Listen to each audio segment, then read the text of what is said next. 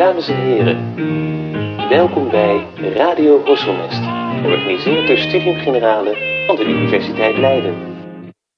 Beste luisteraars, welkom bij een nieuwe aflevering van Radio Horselnest. Ik ben Norbert Peters van Studium Generale en vandaag hebben wij voor de tweede keer Rutger Vos te gast.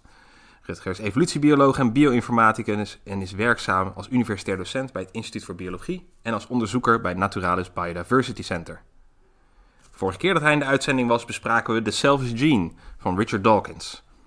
Vandaag is een andere klassieker uit de bibliothiebibliotheek aan de beurt. Guns, Germs and Steel. The Fates of Human Societies. Van de Amerikaanse fysioloog, evolutiebioloog, biogeograaf en milieuwetenschapper Jared Diamond. Na zijn wetenschappelijke werk kreeg Diamond vooral bekendheid door een reeks populair wetenschappelijke boeken, waarvan Guns, Germs and Steel verreweg de bekendste is. Ook verschenen van zijn hand The Third Chimpanzee in 1992, Collapse in 2004 en The World Until Yesterday in 2012. Maar vandaag richten we ons dus op Guns, Germs and Steel, dat in 1998 werd bekroond met de Pulitzer Prize. Het boek begint in Papua Nieuw-Guinea, waar Diamond jarenlang ornithologisch onderzoek heeft gedaan. Hier wordt hij geconfronteerd met een vraag van een jonge charismatische Papua-politicus, Jali. Hoe kan het toch dat vrijwel alle cargo, denk aan levensmiddelen, goederen en technologie, afkomstig is uit de westerse wereld en niet omgekeerd? Waarom was zijn land qua technologische ontwikkeling tot twee eeuwen terug nog in de steentijd, terwijl andere samenlevingen dit stadium al lang gepasseerd waren? Kortom, waarom is de macht en de welvaart in de wereld zo ongelijk verdeeld?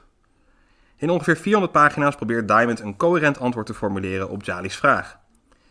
In zijn boek komt hij tot de conclusie dat de politieke en culturele eeuwverwicht dat de West-Europese beschaving heeft verworven, het onvermijdelijke uitvloeisel is van geografische en ecologische omstandigheden.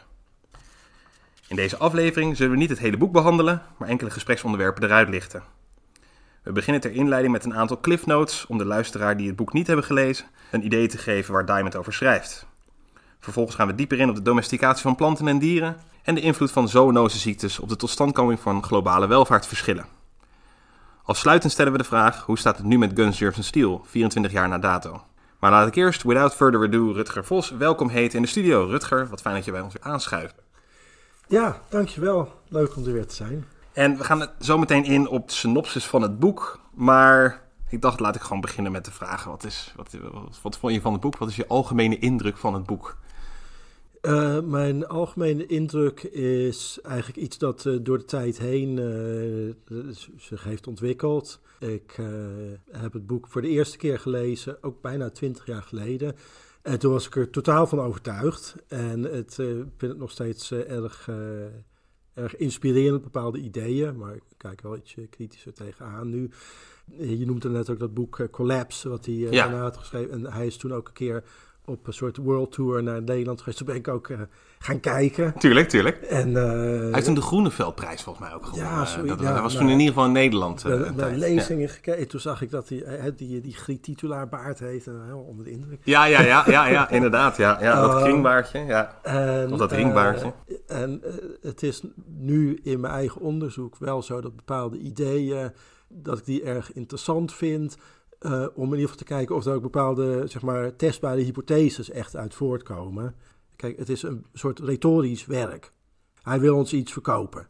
Ja. En uh, twintig jaar geleden was ik uh, nog niet gepromoveerd en onderzoek gedaan, weet ik veel wat. En ik, ik, denk dat ik er iets minder kritisch was en dus gewoon totaal verkocht was. Ja. En Want nu, is, is, nu het, is het al goed om, om iets te zeggen over wat voor onderzoek je doet? Of moeten we dat misschien bewaren voor later? Om, om te kijken of, in ieder geval waar dat aansluit op wat, wat, wat, uh, wat Diamond beweert? Uh, uh, ja, je noemde, ik ben, ik ben evolutiebioloog, maar dan met een, een, specialisatie eigenlijk in het omgaan met grote datasets, een soort groot vergelijkend ja. onderzoek. Hè. Dus even, je kan natuurlijk de evolutie op meerdere manieren bestuderen. Je kan een soort van door de tijd heen kijken hoe een, een, een afstammingslijn zich ontwikkelt. Maar je kan ook proberen het evolutieproces te begrijpen door heel veel soorten met elkaar te vergelijken. En dan dat eigenlijk te zien als de uitkomst van een soort natuurlijke experimenten. Want die dataset, daar moet ik me dus ook bij voorstellen, daar zit heel veel, laat maar zeggen, genetische informatie dat van heel veel verschillende soorten in. Uh, maar uh, bijvoorbeeld, kijk, hij, we zullen dat meer uitleggen waar hij het in het boek over heeft, maar hij draagt bepaalde argumenten aan waarom bepaalde soorten bijvoorbeeld wel domesticeerbaar zijn en andere niet. En uh, dat is eigenlijk dan uiteindelijk het resultaat van uh, natuurlijke selectieprocessen die een soort pre-adaptaties hebben ge, erin gebakken in het ja. evolutieproces. Bijna, bijna, soort, bijna voorbereid op die latere domesticatie. Ja, bepaalde eigenschappen. bleken ze geschikt te zijn later om gedomesticeerd te worden. En verwante soorten niet. Tenminste, dat, dat zegt Diamond dat dat zo is. Ja. En mijn studenten en ik proberen dat dus dan ook daadwerkelijk te kwantificeren. Hè? Dus... Uh, uh, hij, hij, bijvoorbeeld voor bepaalde landbouwgewassen zegt hij, ja, een soort mediterrane klimaatzones zijn uh, heel erg geschikt voor het evolueren van domesticeerbare gewassen. Nou, is dat echt zo? En welke, welke kenmerken zijn er dan onder selectie? En wat, wat doet de omgeving? Wat is het dan aan de omgeving dat die selectiedruk aanbrengt? Is het variatie in het klimaat, mhm. temperatuur of neerslag of wat dan ook. Dus ja, ik wil dat, ik wil dat checken. Uh, In vergelijkende zin en, eh, en uh, voor belangrijke gewassen en voor belangrijke gedomesticeerde dieren. En dan heb je het eigenlijk, dan heb ik het eigenlijk vooral over hoefdieren.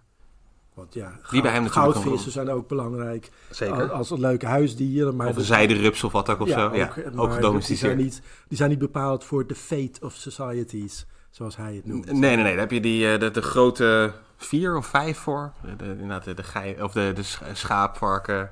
Schaapvarken, koe, koe paard. geit, paard. Um, uh, en dan uh, ja, een beetje koeachtige uh, dingen, hè, waterbuffel en dat soort dingen. Ja, en de jak. ja, ja, ja, ja. ja. Nee, dat gaat inderdaad al wat, wat, wat inderdaad meer richting, eh, richting de inhoud van het boek. Het is denk ik inderdaad goed voor de mensen die, eh, die, die Diamond niet hebben gelezen. Is het nog steeds een boek wat, wat volgens mij nog steeds heel mm, erg aan te raden is. Zeker als je een beetje houdt van die soort ja, beetje big history boeken. Groot narratief. Ja, beetje, het is een soort boek, hè, dat uh, je hebt een lange vlucht, uh, ooit mogen we weer ver gaan vliegen en ja. je loopt over Schiphol. En of een, of een treinrit. ja, en dan loop je langs de W.H. Smith of zo en dan is er die tafel bij de ingang met de grote denkers en Steven Pinker en uh, Bryson en, en, en, ja, en, en Harari inmiddels moeten we daar ook toe nou, rekenen. Dat soort grote boeken die ook dan bij TED Talks worden geweest. ja. dat, dat is ongeveer het, het genre. Ja. Grote en dat heeft ook dat, alles verklaard. Ja, precies. De, een soort grote, ja, unified synthesis noemt hij het zelf ook inderdaad. Ergens vind ik het altijd wel knap hoor, want het is, ik bedoel, Ehm, het beeld van de wetenschap is toch wel een beetje dat je steeds um, gaat naar een grotere specialisering. En hier zie je eigenlijk het tegen tegendeel, namelijk hier zie je een enorme generalist. En dat is misschien af en toe ook wel een beetje een, een, een zwakte uh, ervan. Uh, maar tegelijkertijd ook wel weer heel knap hoe die eigenlijk heel veel verschillende vakgebieden, van de linguïstiek tot, tot evolutiebiologie, tot, tot inderdaad landbouwachtige studies, etnografie, hoe die dat samen weet, weet te brengen in, in zo'n verhaal. Ik weet niet, ik vind dat altijd wel, daar, daar zit ook al een bepaalde soort kunde in om, dat, om dat goed te kunnen. Dat is een beetje zijstraatje, maar wat zou het zijn aan, aan biologen dat ze die neiging telkens hebben? Hè? Er zijn voor mijn gevoel verhoudingsgewijs veel evolutiebiologen die op een gegeven moment vinden dat ze het over samenleven. Hè, bijvoorbeeld Dawkins, die heeft ook helemaal die, uh, ja, dat, zeker. dat traject afgelegd. En, en, helemaal, wat is het dan aan... Uh, hij, want hij is eigenlijk...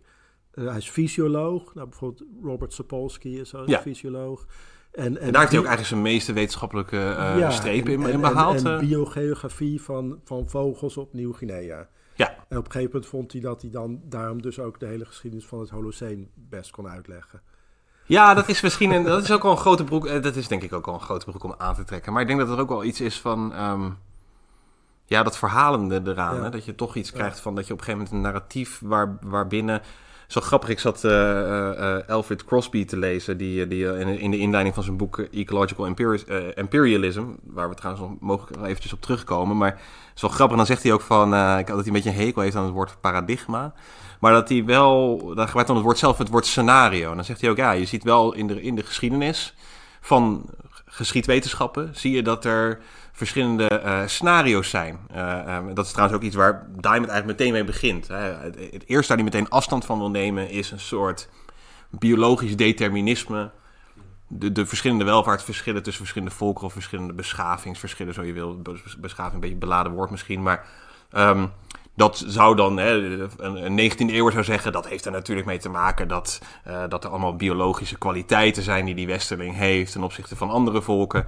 En dat is ook iets meteen waar die Diamond meteen eh, afstand van neemt. Uh, sterker nog gaat eigenlijk de, de tegenovergestelde kant gaat hij op. Ja, dus dat, nou ja, dat zijn dat van die scenario's. En het grappige is, hij, hij heeft ook een scenario. Hè? Dat, en dat is een heel ander scenario. En een scenario volgens mij veel meer waarin hij ja, probeert eigenlijk op vrij eenvoudige gronden en niet extreem veel data, probeert hij een, een, een, een verhaal te, te vertellen. Namelijk, moeten we niet de, de, geschiedenis eens gaan bekijken vanuit meer de, de, de ecologische push- en pull factoren en de, de, geograaf, eh, de, geografie van het land? Is dat niet veel bepalender voor hoe jij je ontwikkelt als beschaving dan, nou ja, uh, wat dan ook voor andere kenmerken? Ideologie of sociologische processen of wat dan ja, het, het, evolutiebiologie is natuurlijk in belangrijke mate ook een soort historische, verhalende wetenschap. En er zitten ook hele mooie mondiale patronen in, die als je dan in iets meer detail kijkt, misschien niet altijd bevestigd worden. Bijvoorbeeld Berkman's Rule, van ja, als je over de hele aarde heen kijkt, en je kijkt naar uh, de oppervlakte-inhoudverhouding uh, van, van zoogdieren, dan is het eigenlijk,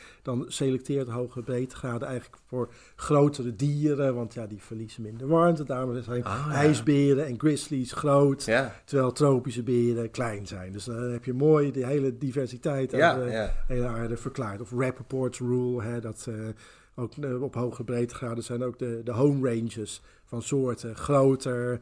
Waarom is dat dan? Ja, misschien de productiviteit van het systeem, hoger breedtegraden, eh, verder fourageren. Ja, er zijn verschillende. Maar is dat dan en, een soort, eh, naarmate je meer inzoomt in de data, is dat ook nooit heel erg goed ondersteund. Want is dat een, zo, mogelijk een soort van reductionisme, wat, wat een beetje toch bij de aard hoort van die bioloog? Er is natuurlijk er is ontzettend veel wat er te verklaren is eigenlijk. Hè? Als je kijkt naar de biodiversiteit.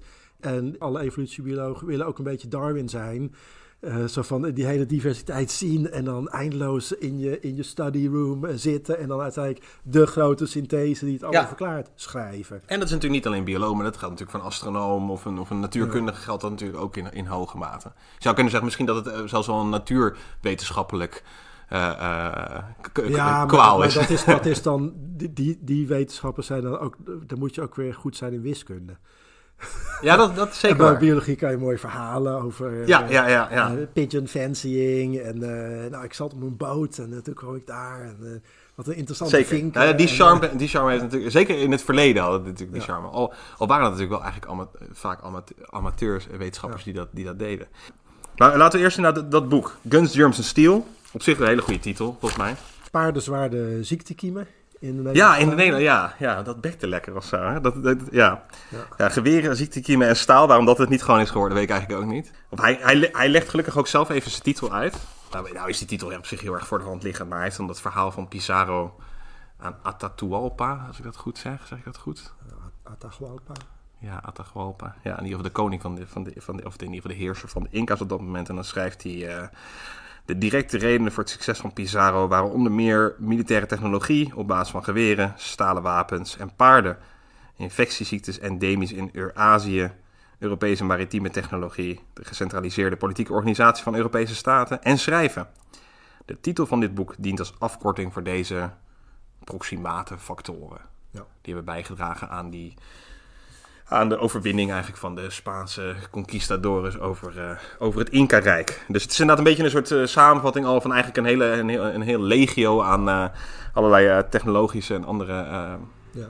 Uit, ja, hij, uitvindingen. ja, het, het, het, dramatische moment waar het aan is opgehangen. En ook op, in bepaalde edities staat het ook op de kaft. Hè. Zo rond het jaar 1500 komen menselijke populaties die uh, duizenden, misschien wel tienduizenden jaren gescheiden zijn, komen weer samen. En ineens is er, heeft de ene ontzettend overwicht over de andere door, door technologie en door hoge resistentie tegen ziekte. En hoe, hoe is het zo gekomen? Dat is eigenlijk, uh, dat is eigenlijk de vraag. Ja, dan heeft hij die, en dat is op zich ook een heel mooi, vind ik wel ook een heel mooi hoofdstuk, hoe hij dat beschrijft over hoe die Pizarro daar eigenlijk met nou, een bende van, het is nog 200, 200 man, ja. Is die daar. Ja. En uh, je hebt dan die Atahualpa, die, die, die, die heerser, die, die in feite heerst over een leger van, nou ja, tienduizenden soldaten. Uh, En die wordt dan eigenlijk op een hele flauwige manier bijna in de val geloot of zo. Het is echt daar... en dat is natuurlijk denk ik ook wel een beetje het punt daar, is dat er zijn niet echt rules of engagement tussen die twee. Omdat die volkeren, weer- als natuurlijk Pruisen tegen de Fransen aan het vechten weer waren, dan, dan wisten ze ongeveer Daar gaan we weer. daar gaan we weer. Dan spreken we tijd af, mooi veld. En dan gaan eerst de artillerie, of weet ik wat. Ik bedoel, En hè, dan lopen we netjes eh, naar elkaar toe en dan schieten. En, Ja. En dan van hoge hoogte kijkt de adel toe hoe, eh, hoe daar Hoe, hoe de het klootjes eh, volkomen. door Ja. de gehaktmolen heen. Ja, ja. ja, en hier heb je natuurlijk inderdaad eigenlijk dat... dat en dat gaat dan ook heel... Ja, hij, heeft dan die, eh, hij nodigt hem uit in, in dat stadje. En dan heeft hij dat die... ehm, dan komt hij daarheen en dan... ehm, en dan laat hij zich eigenlijk in de val lokken. Met, met 5000 man, ongewapend, komt hij dan eh, in dat stadje. En het eerste wat die Spanjaarden doen is proberen die, eh, die, hem te bekeren. Of de, die hield dus de Bijbel voor. En kan- je alsjeblieft jezelf onderdanig opstellen naar, wat is het, Charles V en, en, en de Bijbel. Zoals dat wel vaker ging met die conquistadores. En dat vond natuurlijk die, die koning, wist natuurlijk niet wat hem overkwam. Maar toen hebben ze meteen gesnaaid. Ja. En ehm, dat was zo shocking, volgens mij, voor, die, ehm, voor, eh, voor, voor, voor, voor dat volk. Dat, dat, dat, dat, eh, daarmee hebben ze heel, ja, eigenlijk met een, enorme minderheid dus een enorme overwinning eh, beklonken. Ja, dat is Nou voor ja, hem inderdaad dat, dat, datzelfde, dat, datzelfde moment wordt ook op een hele andere manier verklaard dat dat zo eh, eh, is gegaan. Hè? Niet alleen technologie, maar ook de nationale ideologieën en bijvoorbeeld eh, hoe, eh, hoe die verschillende samenlevingen zich verhouden tot het, eh, het leiderschap. Hè? Precies hetzelfde moment komt volgens mij ook terug Ja. in ehm, The Origin of Consciousness in the Breakdown of the Bicameral Mind. Wat we ook een keer moeten gaan bespreken, Ja, volgens mij. ja, ja, ja, ja. Eh, ik ken het niet, maar dat lijkt me En, goed. en daar, dat, dat, daar wordt ook dan de hele redenatie aan opgehangen van... ja, in feite was de nieuwe wereld in een soort mentaal model... waarbij eh, de koning ook een soort eh, god was. Ja. En zodra die was gesnaaid, werkte dus de hele hiërarchie niet meer. Er kon helemaal niet meer... Dat, dat, dat hele systeem kon niet meer functioneren. Dus het was op- meteen verlamd. En helemaal niet vanwege de technologie of zo... Maar hoe ze Oh, zich ja, verhouden Ja. tot de hiërarchie en, tot, en hoe hun religie, eh, religie was georganiseerd. En hun hele mo- mentale model van eh, leiderschap en, en wat moeten we nu doen.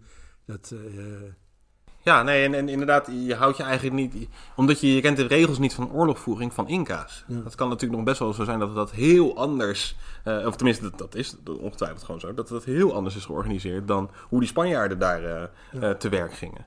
Ehm, ja, hij zegt natuurlijk ook zelf wel, Diamond, dat het een beetje... Ja, ja, is dat nou inderdaad dat staal en die geweren? Eh, Of is het niet ook vooral inderdaad dat het land was al zwaar verzwakt... doordat er ziektes waren meegekomen met die, eh, die eigenlijk nog die conquistadoren bijna een soort vooruit gingen. Voordat ze überhaupt bij de, bij de hoofdsteden kwamen, waren die, waren die ziektes al eh, zo goed als gearriveerd. Wat natuurlijk een enorme decimering teweeg heeft gebracht. Dus dat, dat is al een, het is natuurlijk ook al een land wat schokt op in zijn voegen. En dan ook nog eens een keer ehm, dit. En dan wordt hij natuurlijk uiteindelijk wordt hij dan gegijzeld volgens mij. En dan, en dan eh, vragen ze nog een, lo- een losprijs voor. En dan krijgen ze flink wat, eh, flink wat buit. En dan uiteindelijk dan stellen ze hem alsnog, eh of veroordelen ze hem nog alsnog ter dood. Maar inderdaad, voor, voor, voor Diamond is dit een... ehm, ja, eigenlijk van een van de, de grotere punten waarin je inderdaad precies die clash of civil- civilizations ziet. En ziet in één keer dat die verschillen die er zijn ontstaan, dat die in één keer heel bepalend gaan worden voor de koers van de geschiedenis. Ja, en, die, en die verschillen, die, eh, hè, eh, als we even proberen samen te vatten waar het, hoe het boek dat dan verklaart, en die verschillen die zijn de uitkomst van een soort, eh, soort marathon die is eh, gelopen vanaf het eh, begin van het Holocene, Ja. hè, ongeveer 10.000 jaar geleden. Eh, en, en die marathon die bestond uit dus, nou, domesticatie en eh, daardoor hè, meer voedselproductie, waardoor je er meer ook sociale stratificatie kon ontstaan. Ar- arbeidsdeling En, eh, ja, Ja. En, en, en dus eh, konden mensen zich meer specialiseren in de ontwikkeling van technologie. Ja. Ehm, dus dat is dan hè, het, eh, de, guns en, en de steel. Ehm, en door het domesticatieproces, met name van dieren, waren de, de mensen die meer dieren hebben gedomesticeerd, stonden ook meer bloot aan eh, de, de pathogenen die soms wel eens van zoogdieren overspringen. Daar zijn we nu allemaal ervaringsdeskundigen in Ja. geworden. Ja. Afgelopen anderhalf jaar. Inmiddels en, wel. En, ehm, en dat gaf dus de, de, de, de, sp- in dit geval de conquistadors een, eh, een voorsprong in wat betreft de immuniteit. Ja. Dankzij het feit dat er in Eurasië meer grote zoogdieren zijn gedomesticeerd. Dus groot, meer reservoirs. En dat is ook een beetje gek. Kijk, het is een heel catchy titel hoor. Maar het, is natuurlijk, het gaat vooral eigenlijk om landbouw. Ja, Domesticeren van planten en dieren. En germs. ja. Ja, dus, dat zou, dat, ik bedoel, bij Guns, Germs en Steel klonk natuurlijk heel, dat, dat bek lekker. Maar eigenlijk heeft het over Guns en Steel. Nou ja, het komt ter sprake, maar het, het is niet... eh, de Ja, hoofdmoot het- is landbouw. Ja. Eh, eh, en dat is ook weer goed wat jij inderdaad zegt. Van, het, het werkt ook trouwens niet zo goed. Hè? De- Want het ijzer bewerken is trouwens veruit het eerst ontstaan in eh, eh, Sub-Saharan Afrika. Hè? Oh ja, dat, ja, ja, Dat en, dat- en, en, en dat- ja, dat is eh, de metaalurgie is Ja, daar dus, ontstaan. maar dit, echt nou, ijzer, en, en ijzer. In- In- Inca-volken hebben ook al een vorm van eh metaalurgie. Maar dat heeft bij hen vooral een, soort, een, een religieuze betekenis. Ja, dat is dus, trouwens hetzelfde met het wiel, toch? Dat schrijft hij ook op een gegeven moment. Dat, er, zijn, er, is wel, er is wel in speelgoed voor kinderen is, zijn er wieletjes. Ja. Maar er zijn dan geen lastdieren, dus dan heb je eigenlijk niet zo heel erg gek veel aan een, aan een, aan een wiel. Als je niet ook een dier ervoor kan zetten wat dat, voort, wat dat voort kan trekken. Maar het is op een bepaalde manier grappig dat dat bijna een soort symbolische religieuze functie wel speelt. Maar dat het bij die Spanjaarden natuurlijk een, eh, een veel functionelere eh, eh, betekenis had. Ja. En- Maar waarom maakt dat dan niet veel uit? Die metaalurgie, eh, dat steel en, die- en die guts? Nou ja, kijk, als, de, als uiteindelijk de hele loop van de geschiedenis is, be- is bepaald door het, wie komt het het eerste uit bij ijzer in de ijzertijd. Ehm, nou, de, de eerste mensen die in de ijzertijd uitkwamen waren eh, mensen in, in, zeg maar, in Afrika onder de Sahara. En die hebben uiteindelijk niet de hele wereld gekoloniseerd. Dus Nee. dat ijzer was kennelijk ook niet zo heel erg belangrijk. En was ook een belangrijk eh, eh, landbouwcentrum. Ja, de gedachte is wel dat de, de, de Bantu-expansie Ja. inderdaad door ijzer en, en veehouderij en landbouw eh, is eh, mogelijk gemaakt. Ja. Maar, ja. Ja. Ja, dus je zegt net eigenlijk van eh, die, die, die elementen die hij überhaupt eigenlijk daar voorop stelt, die zijn eigenlijk helemaal niet. Als dat de bepalende factoren zouden zijn geweest, dan had eigenlijk de wereldgeschiedenis er heel anders uitgezien. ja, Ja, ja, ja. En dat is natuurlijk ook wel. Ja, ik heb het zelf in ieder geval, las ik dat eh, in, eh, toen ik bezig was met, eh, met rumfius in, in de Molukken in de 17e eeuw. Wordt er natuurlijk daar dan gevochten ehm, voor de, het monopolie op de specerijen. En op een gegeven moment vechten ze ook tegen Makassar, de, de eh, havenstad daar. En eh, de, dat zijn geweldige strijders. En die gebruiken vooral veel de blaaspijp, die ook wordt gebruikt in, in, in, in de jacht. En dan merk je ook meteen dat die geweren, die, die, dan hebben ze nog van die snaphanen. Dat is volgens mij met zo'n, eh, volgens mij is dat, ik weet niet of dat met een, met een lont is of met, een- met, een, met een vuursteen al. Maar in ieder geval, in de tropen is het eigenlijk heel lastig om je kruid droog te houden. Dus het was een ontzettende, eh, nou, je hebt ontzettende nederlagen geleden. Ook me- mede vanwege het feit dat je met zo'n blaaspel eigenlijk in de tropen eigenlijk veel beter af bent dan met, met, een, eh, met, een, met een geweer. ja Ehm, dat eh, laat ook veel sneller, lijkt me. En het is geruisloos, want je maakt natuurlijk een enorm, met zo'n donderbus, maak je natuurlijk een enorm kabaal. Dus je, en je geeft gelijk je, je plek op. en, en het inderdaad, dus veel, meer, veel, veel, eh, veel betere ja, soort stealth. En dan zie je ook dat eh Rumfius dan, eh, die ik heb bestudeerd, ook schrijft dat dus de, de soldaten ook hun kleding gaan aanpassen. En zich gaan aanpassen aan het, het strijden in, in, in, in de tropen. Ze gaan Een bepaalde soort kleding, hele, ze gaan hele grote zeildoeken gebruiken om te voor- voorkomen dat die blaaspeltjes hen raken en zo. Dat is... Op zich opmerkelijk om te zien dat het inderdaad, dus het lijkt daar eigenlijk helemaal niet te zijn dat staal of metaalbewerking, dat, dat daar- daar de, de dienst uitmaakt in de oorlogvoering. Of, of die guns. Waar volgens mij zijn argument eigenlijk het beste naar voren komt, maar dat komt ook een klein beetje omdat het maar een heel klein, eh, eh, betrekkelijk klein, dan heeft hij op een gegeven moment dat natural experiment. Dan heeft hij het over de Polynesische eilanden. En eh, dat vind ik wel ergens, dat is eigenlijk volgens mij een beetje zijn Galapagos voorbeeld. Daar, daar gaat hij, daar komt eigenlijk in ieder geval synthese het, het duidelijkst naar voren. Je hebt allerlei verschillende Polynesische eilanden. en die hebben een soort van gemeenschappelijke groep mensen die zich daar heeft gevestigd. Maar die zijn wel een beetje uit elkaar gedreven, deze, deze volkeren. Je hebt dan de Moriori op nou ja, een van de Polynesische eilanden. En je hebt dan op een gegeven moment komen dan uit Nieuw-Zeeland komen dan de Maori met een grote, eh, groot leger. Of, nou, niet per se heel groot leger, maar in ieder geval ze komen met een leger en, en moorden in feite daar de hele bevolking uit, maken ze tot slaven en, en gaan zo maar door. En dan gaat hij vervolgens eigenlijk dat proberen te, te, te reduceren of te, terug te brengen tot je hebt al die Polynesische eilanden en die, hebben allerlei verschillende, ja, die bieden allerlei verschillende mogelijkheden van hoe daar te bestaan. En sommige eilanden is landbouw wel mogelijk, andere eilanden is landbouw niet mogelijk. Sommige is veel visvangst, de, de, de geologie is anders, de klimaat is anders. Sommige is meer tropisch, subtropisch tot, tot bijna subantarctisch. Uh, of in ieder geval wat, uh, wat kouder. En, en, en dan gaat hij eigenlijk, ja, al die verschillende eilanden en de verschillende de, geologie en de klimaat en, en, en de omgeving, dat zorgt ervoor dat op het ene eiland men het jager-verzamelaar bestaan niet kan ontstijgen. En op de andere eilanden kan men eigenlijk makkelijk uh, uh, landbouw gaan bedrijven. En, en door die landbouw een grotere sociale strategie of een, een, sociale hiërarchie krijgen. En op een gegeven moment ook arbeidsdeling krijgen. En dan zijn er op een gegeven moment mensen vanwege het surplus die zich dan met alleen maar legerzaken kunnen bezighouden. Dus die, die kunnen dan een, een, een leger op de been houden. En die kunnen daarmee dus inderdaad eigenlijk over een volk wat, waar ze min of meer ook zelf van afstammen en waar ze misschien in het verleden gewoon gelijk aan waren, um, kunnen ze in één keer platwalzen. Ja. Dat gebruikt hij eigenlijk als bijna een soort Galapagos voorbeeld, zoals Darwin ook de Galapagos-eilanden gebruikt, om te zeggen, ja, dit is in, in, het groot in het groot heeft dit zich eigenlijk afgespeeld. Ja, ja hij, wil, hij wil eigenlijk ons er ook van overtuigen, ja, mensen zijn overal hetzelfde. Ja. en de, naargelang de omstandigheden de ecologische omstandigheden kan je meer of minder ver komen.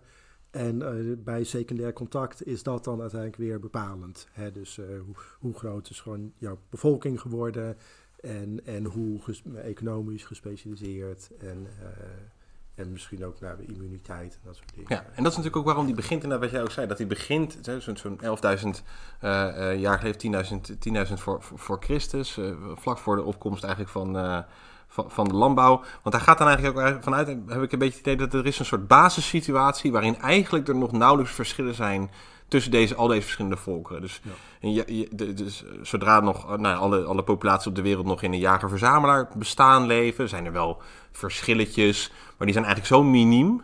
Uh, dat de, de, de, verschillen gaan zich echt pas aftekenen op het moment dat je die landbouw gaat krijgen. Dan, dan, dan pas gaan, er, uh, gaan, de verschillen, gaan, gaan die volkeren heel erg uit elkaar lopen qua technologische ontwikkeling. En dan krijg je ook natuurlijk, zodra die dan weer in conflict komen met elkaar na een tijd van isolatie, dan krijg je ook eigenlijk het glazer. Ja, de, de laat uh, paleolithische toestand is overal dat mensen zijn hartstikke slim en die kennen hun hele omgeving. Ja. En hoe je dat allemaal kan exporteren, jagen, verzamelen. Iedereen heeft dat eigenlijk al geoptimaliseerd. Ge dus daar, dat, daar verwijst hij ook telkens weer naar dat als hij dan weer eens op Nieuw, Nieuw-Guinea is of zo, ja. dat hij is natuurlijk helemaal dat contact kwijt. Maar die mensen daar die weten precies alles wat je, hoe je dat moet gebruiken. En vervolgens is dan de uitgangspositie gewoon gunstiger voor, op de ene plek dan op de andere plek. Ja. En bijvoorbeeld nou, in de vruchtbare halve maan, daar zat je goed. Hè, dus het, uh, zeg maar de Levant, het Oost-Middellandse zeegebied, want daar waren heel veel domesticeerbare planten en heel veel domesticeerbare dieren.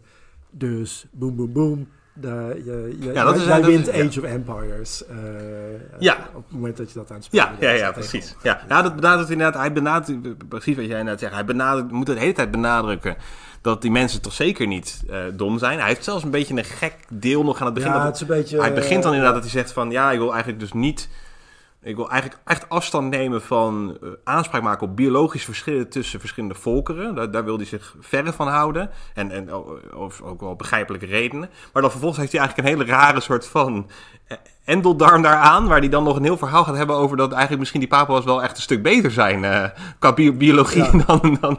Ja, dat vond ik, dat vond ik een zwaktebod. Uh, dat, uh, ja, volgens ja. mij moet je daar helemaal niet mee beginnen. Van ja, misschien is het zelfs wel zo. Nou, dat bijna een soort nobele wilde-achtige. Ja, want die natuurlijke selectie daar zou dan daar zo hard zijn. Dat, dat, dan, dan merk je ook, die mensen zijn eigenlijk een stuk, die zouden een stuk beter zijn. Ja, die zijn eigenlijk slimmer dan wij. En, ja. Maar ergens ook niet cynisch gezien heeft hij natuurlijk wel een punt dat dat er over het algemeen inderdaad onder jager-verzamelaars, voor zover daar etnografische uh, gegevens van beschikbaar zijn, dat er een enorme kennis is van de omgeving. Uh, en een enorme kennis is van, van de planten en de dieren die voorkomen in die omgeving. Ja, maar zij zijn wel heel, heel slecht met Twitter bijvoorbeeld. ja, dat hele kleine vogeltje, dat kennen ze dan weer niet zo. ja, ja, ja. ja, ja. Ja, nee, maar, dat, dus dat, maar ergens heeft hij daar volgens mij ook al... Ik bedoel, dat is, dat is niet helemaal een slecht punt inderdaad als, ja. wij, wij als steden. Nee, maar want hij, hij wil zeg maar eh, het, het on, heel belangrijk onderdeel van de argumentatie is dat, dat die mensen dus nooit dingen over het hoofd hebben gezien. Hij, dus de, de kansen Ja. die er zijn worden aangegrepen. En, en hij, hij probeert ons ook te overtuigen van ja, eh, eh, over de lange termijn en in, de, in de, de wet van de grote getallen is dat al die mogelijkheden wel worden verkend. En ja, er is soms wel wat meer eh, cultureel conservatisme, dat mensen aan dit of dat blijven vasthouden. Ja. Maar ja. uiteindelijk, eh, alle kansen die er zijn, worden aangegrepen. En soms kan het dus dan ook de andere kant weer uitgaan. Hè? Dus dat voorbeeld van die Polynesische eilanden die je noemt, is dus dat je kan ergens goed terechtkomen, dan kan je verder uitbouwen, maar je kan ook net op een rot-eiland terechtkomen. Ja. Nou, en dan moet je weer terug naar jagen verzamelen, Ja. want je grijpt nou eenmaal net de kansen aan die de omgeving en, in die, en in die zin heeft hij natuurlijk ook wel gelijk. Dat er zijn natuurlijk beperkingen die zo'n omgeving opdoet. Als jij op een koraalatol zit zonder, zonder bodem, dan kan je natuurlijk aankomen met je taro en je jam en je banaan om die daar te gaan verbouwen. Maar dat is gewoon dikke pech. En, en als je dan wel een volle kust hebt met allemaal schaaldieren en, eh, en vissen enzovoort, dan, dan heb je inderdaad zo dat die omgeving jou op een bepaalde manier dwingt om een bepaalde, nou ja, bepaalde eh, om, je, om veranderingen eh, ja, aan te brengen in je voedselpatroon of eh, in, in, je, economie. En dat, dat, daar heeft natuurlijk volgens mij ook wel een punt. Ik vind inderdaad alleen dat, dat, dat je alles uitput aan mogelijkheden, vond ik. Ja, dat klinkt mij op een bepaalde manier heel raar in de oren. Van, ja, waarom zou dat... eh, ik geloof best wel dat er veel wordt uitgeput. Maar hij heeft dan inderdaad echt het idee van... Men heeft van eigenlijk alle planten bekeken of ze domesticeerbaar zijn. Ja. Ja, ik vind dat ergens ook een beetje een zwaktebod. Vooral ook met die plantendomesticatie eh, vind ik dat... Nou, dat, is- dat is dus volgens mij iets wat eigenlijk testbaar is. Hè? Ja. Want hij, hij, eh, goed, zijn redenatie is, eh, nou, ja, de gebieden waar de landbouw begon, zijn, of tenminste waar het het eerste begon in de vruchtbare halve maan, nou, dat is een soort van mediterraan klimaat. En hij probeert ons, ons er dan van te overtuigen van ja, en de mediterrane klimaatzones zijn daar dus heel goed voor. Nu, en eh, dan is er ook een kaartje met, Ja. ja, ja, is dat helemaal waar? Dat, dat weet ik al helemaal niet zo zeker. Want hè, de, de mediterrane klimaatzones, wat zijn het nog meer? Nou, Kaap, eh, Zuid-Afrika, daar is... Californië. Ja, in Californië is ook niet echt de beschaving begonnen. Zuidwest-Australië ook niet echt. Chili ook niet echt. Nee, Dus eigenlijk alle andere mediterrane gebieden zijn niet echt goede voorbeelden van wat hij zegt. Maar dan zegt hij ja, maar ehm, het uh, Europees Middellandse Zeegebied is veruit het grootst. Ja. En, en ook, eh, het is eigenlijk ook het meest variabel in, in termen van de fysische geografie. En, uh, dus dan, dan wordt het een beetje zo'n soort um, Goldilocks-achtig verhaal van het, het is niet te veel dit, het is niet te veel dat, het is toevallig hier precies goed. Nou ja, en, en dan, en dan uh, probeert hij dat uh, te staven met ook een klein beetje kwantitatieve gegevens van, oké, okay, hoe, hè, de, de, de granen zijn het belangrijkst geweest. Nou, wat zijn granen? Dat zijn eenjarige uh, grassen. Ja. Dus er is iets in de omgeving die selecteert voor eenjarigheid, verhoudingsgewijs veel in het Middellandse ja. zeegebied. Ja. En je hebt een afwisseling van ja. seizoenen. En dat is natuurlijk, daar heeft ja, dus natuurlijk ergens droog, wel een, een, een, een punt inderdaad. inderdaad. Die eenjarige planten die, die zijn daarop aangepast om dat goed te benutten. En die, dus die hebben inderdaad vaak een bloei in het, in het voorjaar, zomer. En dan in de droge periode gaan ze zaden maken, sterft eigenlijk die plant af. En die zaden die worden dan vervolgens, in, nou ja, die verspreiden zich. En die, worden, en die zijn dan weer, nee, die liggen daar in de grond klaar voor, uh, nou, voor het tweede jaar. Om, om, om eigenlijk weer hetzelfde. En dan zegt hij ook inderdaad van die investeren veel in zaden, investeren weinig in plant. Hè. Je hebt niet een hele eikenboom uh, die dan na een aantal jaar zijn eerste eitjes pas gaat dragen. Nee, het is echt een plant die eigenlijk heel erg veel investeert in grote zaden. Uh, met veel opslag, zodat ze snel ook die ontkieming hebben. Zodat ze snel dat zo goed mogelijk dat klimaat kunnen benutten. En zo'n klein mogelijke plant. Ja. Uh, en dat is natuurlijk verhoudingsgewijs is dat dan erg fijn. Want dan oogst je ja, oogst natuurlijk die, die, die, die zaden. En die zaden die eet je. Um, dus je ziet dat je daarmee inderdaad al vrij vlug dan ook op die voedselsurplus zou kunnen komen. En het is ook nog eens een keer zo dat die zaden die ze zijn al aangepast om, om, bewaard te worden in de grond uh, gedurende een aantal seizoenen. En, en zelfs uh, langer, want ze komen niet allemaal in hetzelfde jaar komen ze uit. Maar dat wordt verspreid uh, over, over de jaren. Dus die kan je ook nog eens een keer heel goed in een silo opslaan. En dan heb je droog, heb je, heb je eten. En dan heb je, nou ja, dan heb je weer dat surplus. En dan krijg je vervolgens weer... Vanwege dat surplus kan je dan... Is niet iedereen meer gebonden aan die uh, voedselproductie. Uh, en de arbeid die daarmee samenhangt. Toch? Dat is... Ja. Ja. Maar inderdaad wat jij zegt, het is een beetje een goudlokjes scenario. En het is ook... Ja, nou ja, goed, dat, dat, dat, vraag, dat, dat is dus iets wat volgens mij eh, testbaar is. Hè? Want hij, hij noemt dan ook, eh, en specifiek als je kijkt naar de grootte van de zaden. En dan heeft hij, dan heeft hij het over, geloof ik, eh, emmer en gerst of zo. Ja. En die waren, dat is dan de- het derde en het vijftiende grootste van alle grassen. Oh ja, ja, ja. Dus- hij heeft die dus lijst. echt overge, Ja. soort overgerepresenteerd in hè, de gedomesticeerde granen. Hebben specifiek grote zaden en zijn mediterraan. En, en dus ben ik nu een student aan het begeleiden die dat dan dus aan het testen is. Van, eh, goh, welke omgevingsvariabelen correleren dan met seed mass? En is dat, zijn dat dan inderdaad eh, mediterrane dingen, zoals eh, hè, dus, specifiek droge, warme zomers of Ja. andere gistdata die dat dan voorspellen. Want ja, hij, hij, eigenlijk, hij, hij vertelt iets wat retorisch heel overtuigend is, maar wat dus eigenlijk ook kwantificeerbaar zou moeten zijn en dus testbaar zijn. En, Ja, dus je eh, gaat dan eigenlijk kijken naar, als ik het goed begrijp, Hè, dus naar een je kijkt naar, zeg maar alle grassen en eh, Ja. er zijn natuurlijk er zijn gewoon grote databases waar mensen hebben bij al die dingen van hoe zwaar is dit zaadje, hoe zwaar is dat zaadje. Ja, En we hebben de verspreidingsdata van die planten.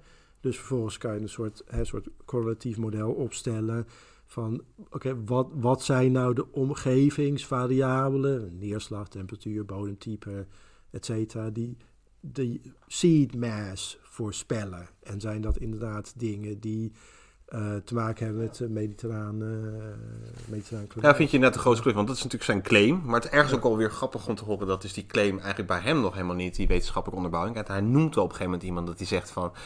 ehm, dat Ja, hij, dat een- hij, noemt, hij noemt twee granen. Ja, en het is Ja, een is paleobotanicus die die aanhaalt, die dan zegt inderdaad van... je hebt de grootste concentratie aan domesticeerbare grassoorten... die zou ook in dat Eurasische gebied eh, voor zijn gekomen. Ja. Ja, En dat, dat kan, Nou ja, dat kan ik vind zo het- zijn, maar dat, is, beetje- dat is nog niet Ik vind het een beetje lastig soms. Hè? Dus Ja. dat, hè, dus, tuurlijk, die granen spelen natuurlijk ook een hele belangrijke rol. En hij, hij, hij zegt natuurlijk op zich heel terecht. Ik bedoel, als je maïs, volgens mij maïs, rijst en graan eh, bij elkaar telt... dan is 50% van ieders calorieinname is, is die drie graansoorten. Dus dat is, natuurlijk, dat is natuurlijk enorm. En dan heb je nog, als je nog sorghum erbij neemt en, en nog wat andere eh, granen... Dan, dan, dan is dat natuurlijk nog veel groter. Maar wat ik af en toe wel een beetje lastig vind, hij heeft het dan op een gegeven moment inderdaad over: oké, nou, hoe, hoe worden die dan gedomesticeerd? Nou, dat, dat domesticatieproces is eigenlijk niet heel erg ingewikkeld. Ja. Je krijgt op een gegeven moment een mutatie. Hè, je, bent, je bent al die zaden mogelijk aan het verzamelen de- als jager-verzamelaar. En hoe kom je dan tot de voedselproductie? Dan heeft hij daar volgens mij nou, eigenlijk twee punten voor. Eh, enerzijds, graszaden worden vaak verspreid door te exploderen. Of in ieder geval met haakjes en, en et cetera. Zodat als je met je vacht er langs loopt of met, met iets anders. Of niet ik met mijn vacht, maar een dier met zijn vacht er langs loopt. Of wij met onze broekspijp er langs lopen. Dan neem je die zaden mee. Iedereen kan dat ook zien als je door een gras... Als je door een weide loopt met een hoop grasplanten, dan aan het einde van de rit heb je een hoop van die eh, graszaden heb je aan, aan, aan je broekspijp hangen. Of aan je hond. Ehm, maar af en toe heb je een mutatie en die, houdt dan, die zorgt ervoor dat die zaden niet kunnen shatteren. Die, dat, Ja. die, die, die kunnen, die kunnen zich dan niet verspreiden, die blijven op die plant zitten. Ehm, dus als je, zodra je die natuurlijk gaat verzamelen en je gaat die vervolgens ook weer gebruiken om te planten, dan krijg je natuurlijk weer planten die ook die mutatie hebben. Nou, en als je dat maar vaak genoeg doet, dan, ehm, ja, dan heb je op een gegeven moment een mooi veldje en dan kan je dat prima verzamelen, want al die zaden blijven mooi bij elkaar en dan is dat eenvoudig te verzamelen. En dan volgens mij het tweede punt wat hij heeft is die, is die germination, tot de ontkieming.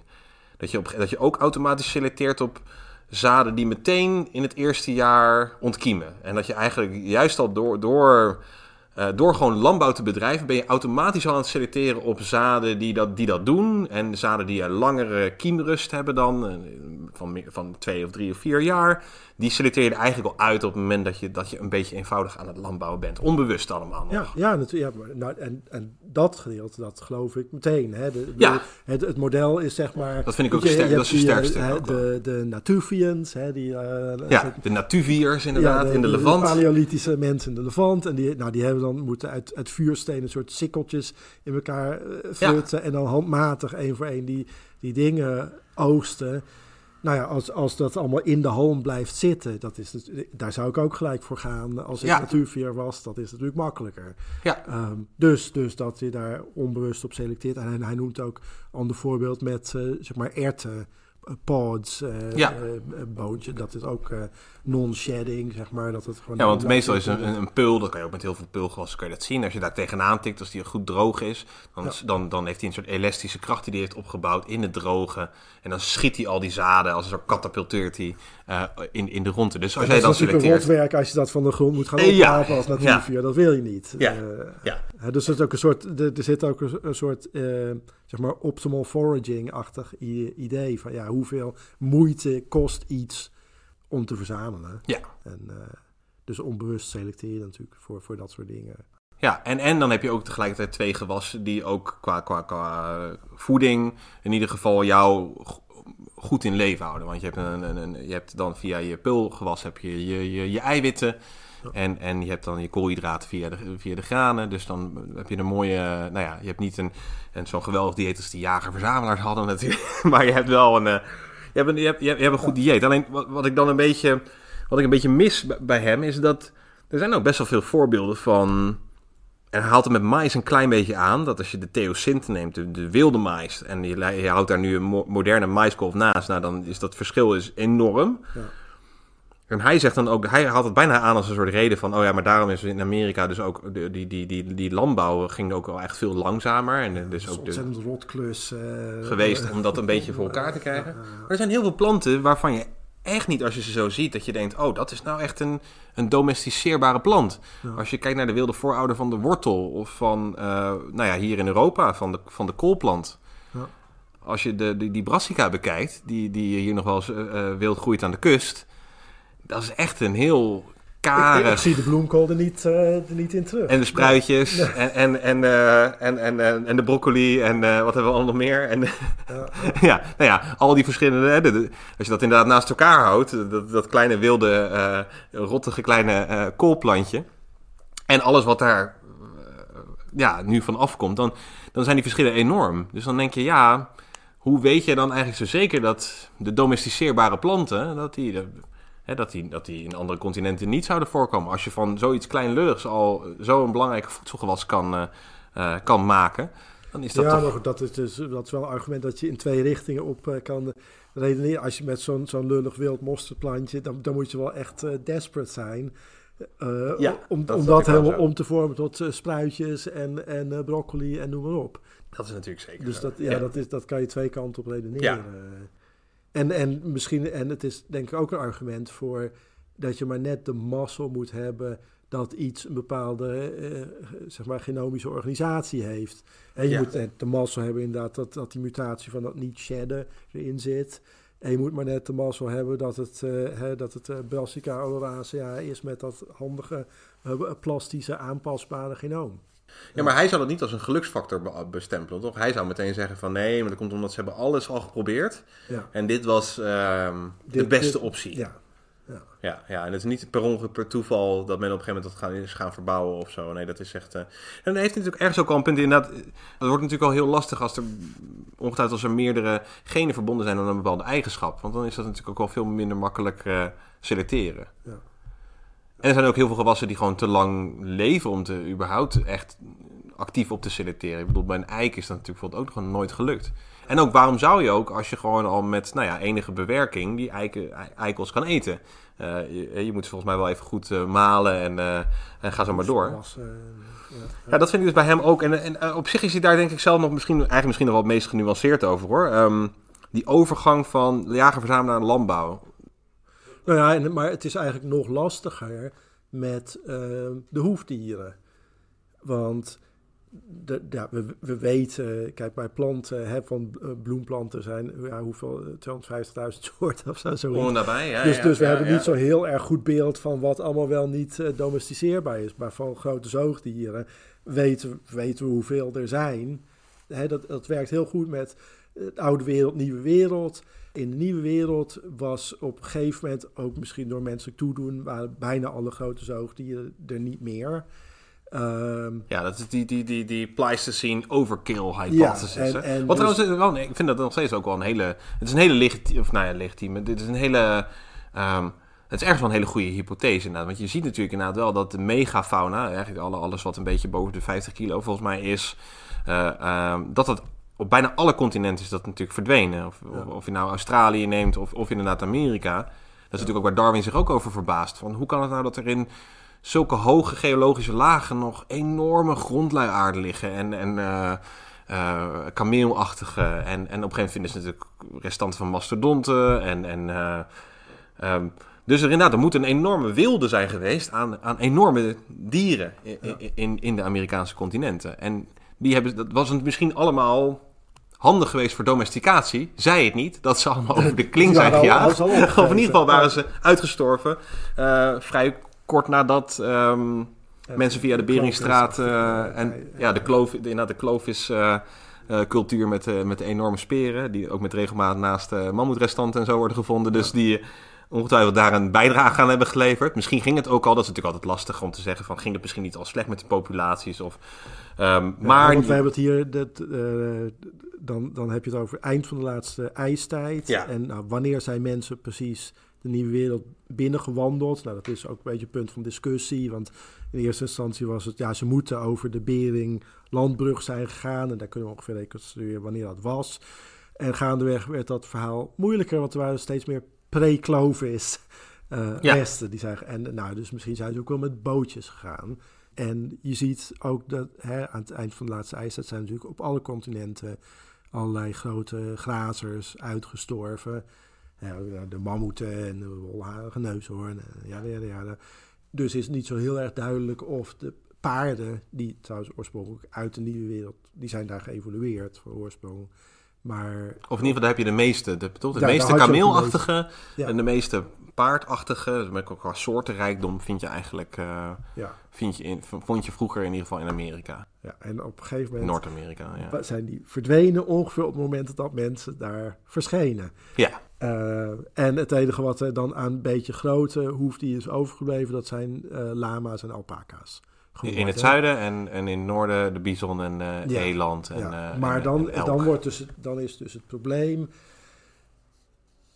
Zijn die dingen die niet zijn gedomesticeerd, zijn die dan inderdaad niet domesticeerbaar? Ja. En, en terwijl die bij het Middellandse Zeegebied kan u nog wel mooi soort van eh, kwantificeren van... eh, eh, Oké, daar zijn de meeste grassen en met grote zaden. Dus dat, en daar is het allemaal begonnen. Nou, dat, dat, plaatje werkt allemaal wel mooi.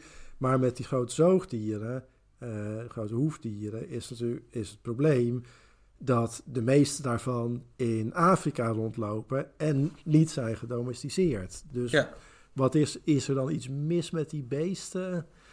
Dus dat, dat is, dat, ja, dat, dat, die argumentatie werkt niet zo goed. Is dat hè? ook niet, dat- maar dat is natuurlijk ook een van de dingen die volgens mij wel die Pleistocene overkill hypothese enige kracht geeft, is dat er natuurlijk twee plekken zijn waar het niet is gebeurd. Namelijk Afrika en, en, en, nou ja, een deel van Azië. Daar vind je nog steeds eh, olifanten, maar ook eh, natuurlijk neushoorns en, en, en grote katachtige trouwens ook. ehm, en, en het idee is dan dat, dat dat zo zou zijn, omdat daar eigenlijk een, een min of meer een soort co-evolutie heeft plaatsgevonden. Of in ieder geval, daar is natuurlijk ook, dat is natuurlijk ook het continent waar de, waar de mens, eh, eh, mensachtigen zijn geëvolueerd. Dus daar zie je al een wederzijdse aanpassing. Terwijl bijvoorbeeld in die nieuwe wereld zou dat dan eigenlijk. En daar heb je ook een soort clash of civilizations. Alleen ja, niet echt civilizations, maar clash of populations. In één keer komen daar mensen binnen.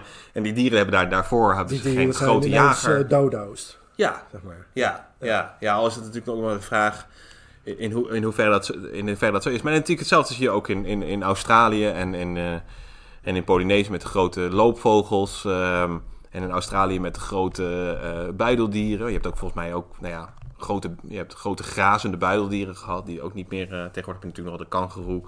Maar dat is eigenlijk toch wel een stuk kleiner. Maar terug naar, terug, terug naar jouw punt inderdaad. Van ja, je hebt in Afrika dan de meeste hoefdieren. En dan vervolgens zijn daar eigenlijk niet... Die zijn, daar zijn ze niet gedomesticeerd. Nee, dus, dus, dus hè, dus dit is dan een ander ding wat ik probeer te onderzoeken. Wat zijn de kenmerken van die soorten die domesticeerbaarheid bepalen? En onder eh, welke omstandigheden is die domesticeerbaarheid wel of niet geëvolueerd? Dus inderdaad, wat jij zegt, is een soort, eh, eh, is een van de dingen die nodig zijn, een soort ecologische naïviteit bij die hoefdieren. En misschien moeten dus ook wel lagere predatiedruk zijn. Hè? Dus en dat daarom de Eurasiatische paarden wel domesticeerbaar waren. Want ja, daar zijn niet, uh, hè, op de Ponte-Caspische steppen zijn niet zo heel veel uh, tijgers en leeuwen en weet ik veel wat. Vergeleken met de, hè, verhoudingsgewijs, vergeleken met de Afrikaanse savanne, waar ook nog al, uh, al, al 5 miljoen jaar mensen rondliepen. Ja, dan, misschien moeten we dan uitleggen, misschien zou je dat uitleggen. Daar haalt hij eigenlijk de, wat hij dan de, de Anna Karenina ja. principe bij aan. Althans, dat, is, dat is volgens mij ja. Min of meer dezelfde vraag. Kan je uitleggen, ja, wat, wat is dat Anne Karenina-principe? Uh, ja, dus, of hoe verhoudt het, zich dat? Het, het, uh, het boek, uh, de, de, roman begint met... Van Tolstoy bedoel je dan? Ja, ja, ja. ja, ja. Alle families zijn gelukkig op dezelfde manier, maar alle ongelukkige families zijn dat op hun eigen wijze. En dan de gelukkige families zijn dan hetzelfde als domesticeerbare hoefdieren in de zin van dat alles op zijn plek moet vallen qua het temperament van die dieren en wat ze eten. En bijvoorbeeld uh, de, de, sociale organisatie van kuddedieren en uh, uh, doen ze grote kudde migraties of niet? En hoe reageren ze op predatoren, et cetera, et cetera, et ja, en ook belangrijk ook die hiërarchie. Zijn, zijn het eigenlijk al dieren die leven in een sociale hiërarchie, waardoor ze ook makkelijk de, de mens eigenlijk als het ware zich wij kunnen gewoon de stier worden, zeg maar, die, die, de, die de hele boel uh, aandrijft. Maar dus is eigenlijk een soort recept voor... Er is één recept voor domesticatie. Ja, en, en als daar ook maar één dingetje mis is... dan is het dus niet domesticeerbaar. En, en dan bijvoorbeeld uh, paarden waren wel domesticeerbaar... maar zebra's hebben dan net een rot humeur. Ja, en die ezels, die, of een aantal, een aantal ezelachtige die die noemt. Uh, ja. Die hebben dat ook. Ja. Uh, ja. die bijten te snel. En, uh, ja. ja. En, en, maar, en, waarom, en dan is dus de evolutionaire vraag, ja, maar waarom hebben ze dan dat temperament? Nou ja, dat is dan in reactie op iets in hun omgeving. Hè? De, de, de predatoren. En misschien waren wij ook al heel lang die predatoren waar ze, waar ze dus rotbeesten door zijn geworden. Ja, dus in, dat is in ieder geval het uitgangspunt van, van Diamond inderdaad. je hebt, je hebt gewoon een vaste lijst aan kenmerken waaraan dat dier moet voldoen. Net als eigenlijk dat je misschien ten aanzien van planten dat ook zou kunnen zeggen. Dat die, die zaadgrootte en dan niet, niet die, die zaden verspreiden. En, en, en, en, of niet die pul die openspringt of wat ook of zo. Zo heb je ook bij, bij dieren, maar misschien nog wel veel meer. Heb je gewoon een vaste set aan eh, evolutionaire eigenschappen die dat dier heeft opgelopen in zijn eigen evolutionaire pad.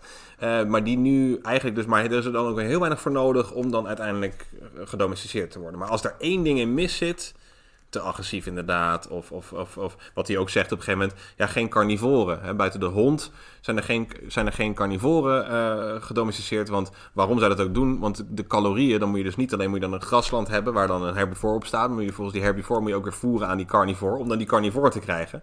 Maar het verlies wat je leidt aan energieoverdracht Um, dat is zo en, groot. gevaarlijk natuurlijk. En het is ook nog eens een keer vrij ja, ook een belangrijke reden. Ja. dat het vrij gevaarlijk is. Het begint ook over de beer, toch? Precies, dat, ja, beren zijn best wel lekker kennelijk. Uh, veel vlees. Ja, maar dat, ja, dat is toch niet zo handig om uh, beren... Je hebt dus inderdaad min of meer die, die lijst aan voorwaarden waar je aan, uh, waar je aan moet voldoen. En dan wordt er ook nog een onderscheid gemaakt, dat is misschien ook wel goed om aan te kijken, tussen temmen en domesticeren. Ja, ja. Bijvoorbeeld olifanten, die, er zitten natuurlijk heel veel hele aardige eigenschappen aan. Lekker groot en, en slim en, en weet ik veel wat. En dus worden die best wel getemd.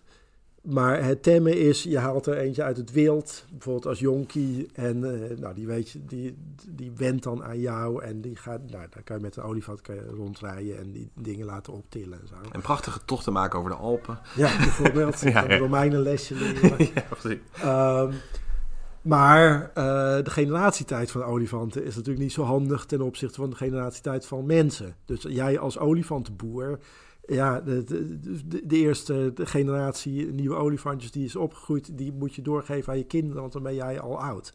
Dus dat is gewoon onpraktisch. Dus, dus daarom zijn we nooit verder gekomen dan temmen. Dat is een beetje dan ja. En temmen is dus in feite eigenlijk, je, je, inderdaad, je, voet, je, je, haalt een dier als jonkje op of je, je voedt hem op. En op een bepaalde manier ook het breken toch van het dier. Of tenminste, dat wordt dat altijd dan uh, genoemd. Uh, hij heeft maar, maar goed, natuurlijk, ja. het, het, het, uh, het, fundamentele verschil is dat we dus nooit, wij hebben geen, ja, misschien nu een dierentuin, maar verder niet een soort eigen aan ons aangepaste gene pool aan olifanten. Terwijl dat natuurlijk bij, bij hè, de, oeros bestaat niet meer. En koeien, die hebben we helemaal gevormd genetisch naar onze wensen. Ja, je hebt, je hebt vleeskoeien en je hebt melkkoeien. Ja. Ja, dus in principe wat jij zegt, die generatietijd is belangrijk, want dat is belangrijk bijvoorbeeld dat je kan selecteren. En dat je kan zeggen van ik wil deze eigenschappen niet en deze eigenschappen wel. Ja. En je hebt een, je hebt, dan heb je een overschot aan eh, nakomelingen. En dan, en dan ongetwijfeld ging dat er vroeger eh, ging dat, ging dat er zo aan toe. En tegenwoordig is dat veel meer met eh, genetica en wat allemaal niet meer erbij komt kijken. Maar je, selecteert van bepaalde eigenschappen. En dan als je dat maar generatie op generatie op generatie doet, dan heb je op een gegeven moment ofwel vleesbillen, ofwel je hebt een enorme uier eronder hangen. Ehm, en dan kan je zeggen, dit is, dit is gedomesticeerd. Dat is niet meer temming, maar dat is inderdaad domesticatie. Namelijk, je ziet heel duidelijk aan dat dier eigenlijk dat het, dat het, dat het voor ons een, eh, een functie vervult. En, kijk, en uh, met voldoende geduld en resources kan, natuurlijk, kan dat wel met heel veel dieren. Hè? Dus latere experimenten, ook bijvoorbeeld met de zilvervosjes. Ja, ja. En ja, als je daar maar de moeite voor neemt, dan, dan kan dat wel. Dus dit, hè, dit is een experiment dat is begonnen in, eh, in de Sovjet, eh, Sovjet-Unie in de vorige eeuw. Want die werden, werden gebruikt voor, voor, voor pelzen. Ja, voor pelzen. En er was een onderzoeker, Beljajev, die zich afvroeg van, nou, wat, wat gebeurt er eigenlijk als ik op temperament ga selecteren? En ik kweek telkens hele lieve vosjes met elkaar en hele gemene vosjes. En wat gebeurt er dan met die twee eh, lijnen eigenlijk? En eh, nou ja, wat, wat er inderdaad, dat, dat experiment is nog steeds soort van aan de gang. Een soort van, ja. en, ja, ja, ja, ja. ehm, Je hebt zijn, zijn, zijn, zijn, zijn second in command. eh, ik ben even haar naam kwijt. Ja, ze heeft een beetje... een- Oh nee, ik weet het wel. Want ze heeft een beetje lullige eh, achternaam voor Nederlanders. Het heet volgens mij Trut. maar dat is- daar kan ze zelf verder niets aan doen. dat maar, eh, maar die zet dat inderdaad die zet dat voort. En, en dan is het inderdaad het aardige. Is trouwens, daar is trouwens een heel leuk boek over ook van eh, Lee Dugetkin. Inderdaad, How to Tame a Fox. Wat, wat volgens mij een heel aardig boek is. En dan zie je ook inderdaad dat je... Als je dan inderdaad die hele eenvoudige, het hele eenvoudige selectiecriterium neemt, namelijk agressie naar jou toe als, als houder van die zilvervossen, en je selecteert op de, op, de, de exemplaren die minder agressief zijn naar jou toe, dan krijg je ook binnen de kortste keren kwaliteiten die je er niet zelf hebt ingestopt, maar die, die meekomen eigenlijk met het selecteren op eh, minder, minder stresshormonen en, minder, minder, agressie, minder agressie. Ja, er, er is in zoogdieren een soort syndroom eigenlijk, een soort complex een aantal eigenschappen die door ons selecteren op, op, op liefheid, die, ja, die, die, die, komen, die liften mee. Hè, en dat heeft te maken met kraakbeenstructuren en eh, eh, pigment en, en een paar van dat soort dingen. En, Ja, en pigment dus is heel grappig, toch? die, eh, Konijnen, honden, maar ook die zilvervosjes en, en koeien hebben een vlekkerige Precies, huid. allemaal. Ja. allemaal Of flaporen. Ja, Of, eh. En dat heeft dan ook dat heeft inderdaad dan te maken met, ja, dat is een, voor mij een veel te moeilijk verhaal, maar voor jou een gesneden koek. Dat heeft inderdaad dan te maken met ehm, eh, bepaalde hormonen die niet tot, eh, die, die leiden tot andere. Ja, Ja, het heeft nee, iets ja, te maken ja. met de migratie van stamcellen die uiteindelijk dan in kraakbeen en, en pigment eh, en maar ook in bepaalde endocrine systemen terechtkomen. En, en het onderdrukken van de tre- stressrespons, dat, dat, daar kan je denk ik meerdere manieren selecteren. Maar de manier, de makkelijkste is die die dus ook op bont gevlekt uitdraait. En Ja. met hangende oortjes en, en met rare staart en een beetje kwispelen en eh, nou, dat soort dingen. Ja, heel, grappig. Maar, eh, Maar wat- goed, maar Er klonk, er klonk in jou in ieder geval, ja, er klonk bij jou een soort, ehm, eh, toch een soort in ieder geval een kritiek, misschien niet een kritiek, maar in ieder geval dat, dat je dat graag ook in het, in het soort testbare hypotheses willen krijgen van, klopt dit nou wat hij hier zegt over, ehm, over die verschillende kenmerken die een dier zou moeten hebben om überhaupt in de, in, in, in ja, eh, Ja, gedomesticeerd kijk, te dus- worden. dus het- het- zeg maar, dat, dat, dat vossen-experiment laat eigenlijk zien dat heel veel, als je maar eh, hè, als je de resources van de Sovjet-Unie hebt, dan kan je de meeste zoogdieren misschien best wel domesticeren. Maar goed, waarom zou je? Hè? Dus eh, natuurlijk eh, vroeger neolithische mensen die, eh, die, die hadden, ja, die maakten natuurlijk een afweging met, goed, we moeten morgen weer eten. En misschien laat die vossen maar even zitten, want die zijn, ja, er zit niet zoveel vlees aan. Ehm, en dan is dus een beetje de vraag: is het dan dus zo dat inderdaad puur die trade-off tussen zeg maar, het voordeel dat je eraan hebt en de domesticeerbaarheid, is die inderdaad zo uitgepakt dat om die reden bijvoorbeeld de Noord-Amerikaanse bison niet is gedomesticeerd en die dieren op de Afrikaanse savanne? Is het puur die trade-off of zijn er andere redenen? En wat, wat wel grappig is aan bijvoorbeeld de, uh, daar komen we straks denk ik nog meer op terug, uh, van uh, de mate wanneer, waarin dit boek is ontvangen door verschillende groepen onderzoekers. Bijvoorbeeld antropologen, die hebben daar hele, hele andere beelden bij. Die vinden van ja, maar je kan alle zoogdieren toch best wel omfokken tot iets nuttigs. Uh, dus, dus dat had waarschijnlijk ook best wel in, in de nieuwe wereld kunnen gebeuren. Dus waar heeft iemand over? Ja. En de, dat moet... En is, dat, moet is natuurlijk ook wel een beetje gebeurd. Hè? Je hebt de kalkoen en, en hond. Daar is dat natuurlijk wel bij, uh, bij gebeurd. En dan heb je lama, alpaca... Uh, maar ook capybara en uh, wat is er meer? Cavia. en, ja, ja, ja, ja. Kleiner, kleiner, iets kleiner. Nou, die capybara's weet ik trouwens niet. Maar in ieder geval cavia's, ja. ja, Konijnen trouwens ook, niet vergeten. Maar, maar de, de, de kritiek die van daaruit ook kwam in bepaalde reviews... ging er min of meer vanuit dat, dat er dus in de nieuwe wereld ook best wel potentiële koeien rondliepen. En volgens mij als, als bioloog en niet als antropoloog ben ik het daar niet helemaal mee eens met, met die kritiek. Nee, nee, nee, nee, dat lijkt me ook. Uh, nou, bijvoorbeeld de paarden, dat is natuurlijk wel iets wat er is overgenomen vrij snel nadat dat, uh, dat de Westelingen daar kwamen. Hebben de, de, natives hebben wel degelijk snel dat paardrijden onder, onder controle gehad. Niet voor niks dat elke cowboyfilm zit, zit, zit, zit, zitten, hè, zit ja, achtervolgd uh, op paarden. Maar Ehm, ehm, ehm, eigenlijk zijn die dieren uh, uitgestorven goed en wel voordat überhaupt het hele proces zou, zou kunnen zijn begonnen. of misschien zijn er wel beginnetjes gemaakt, dat zou, natuurlijk, dat zou natuurlijk kunnen. En er zijn natuurlijk ook wel dieren die een beetje een soort half-half... Je hebt bijvoorbeeld dat rendier is ook een beetje een gekke ja. uitzondering. Je, hebt wel bij de, bij de Sami in, in Lapland heb je inderdaad... Het, ja, die, ja, zijn ze wild, zijn ze gedomesticeerd? Is, is een beetje... Ja, het zijn wel verschillende gene pools eigenlijk. Er zijn wel echt gedomesticeerde rendierpopulaties die dan toch gevolgd worden door die mensen. En er zit ook wel een beetje morfologische differentiatie. Ja, het is een soort semi-gedomesticeerd. Ja, inderdaad, wat jij zegt inderdaad. Domesticeren, dan moet ik inderdaad eigenlijk begrijpen inderdaad van... Het is eigenlijk een afgesloten gene pool. Ja. afgesloten van een soort uh, wild stock, zeg je. Ja. Ja, ja, ja, ja, ja. Dat is wel van belang dus, dat je dus dat kan aanwijzen. Ja, en, en dat, is, dat is ook wel het, het lastige eraan op het moment dat je probeert te reconstrueren wat er dan uh, hè, vroeger is gebeurd. Want het, het uh, ten eerste, goed, we worden wel steeds beter in ancient DNA... maar heel vaak heb je dat toch niet. En, en als je een soort oude eh, archeobotanische of zoologische resten bekijkt, dan is het helemaal niet per se zo heel erg duidelijk of die al wel of nog niet gedomesticeerd zijn. En, en vaak hele, hele complexe verhalen worden helemaal opgehangen aan de interpretatie van een paar resten waarvan het misschien wel lijkt dat die gedomesticeerd zijn of niet. Ja. Uh, bijvoorbeeld... Um, het probleem is trouwens met, met, met landbouw en wat, die, wat jij noemde, die natuurvirus, is natuurlijk eigenlijk een beetje vergelijkbaar. Men heeft toen ja, vuursteensikkels gevonden waarop, waarop uh, als je natuurlijk gras snijdt, dan laat dat bepaalde sporen achter op die vuursteensikkels. Dus je kan zien dat ze gras hebben gesneden. Nou, en dan kan je natuurlijk ook, er zijn natuurlijk ongetwijfeld ook nog heel veel andere archeologische aanwijzingen. Als je natuurlijk een silo vindt of wat ook al zo, dan zijn er natuurlijk heus wel aanwijzingen dat je al, uh, of, of, desnoods uh, greppels of zo voor, voor, voor, voor irrigatie en zo. Er zijn natuurlijk wel degelijk aanwijzingen die wijzen op landbouw. Maar dus denk ik in dat begin is het heel moeilijk. Het is heel moeilijk om zeggen, ja, ze hebben grassen verzameld. Maar je kan natuurlijk ook prima gewoon grassen verzamelen. En wat hij ook zelf zegt, die groeien soms ook in, in vrij grote populaties. Dus je kan een heel veld hebben, vol met emmer. Ja. En dan, ja, dan ben je natuurlijk nog geen landbouwer. Dan ben je dat nog eigenlijk alleen maar aan het verzamelen en zo. Dus... Ja. Maar dat is denk ik sowieso een moeilijk punt bij hem hoor. Is dat, en dat is sowieso eh, lastig natuurlijk. Vroeger was dat in de archeologie had je Gordon Child. En die zei, ja, en bij, ben zo een beetje marxistisch. Hè, dat in eerste instantie leef je gewoon in de wilde van de natuur. En je verzamelt en je jaagt wat.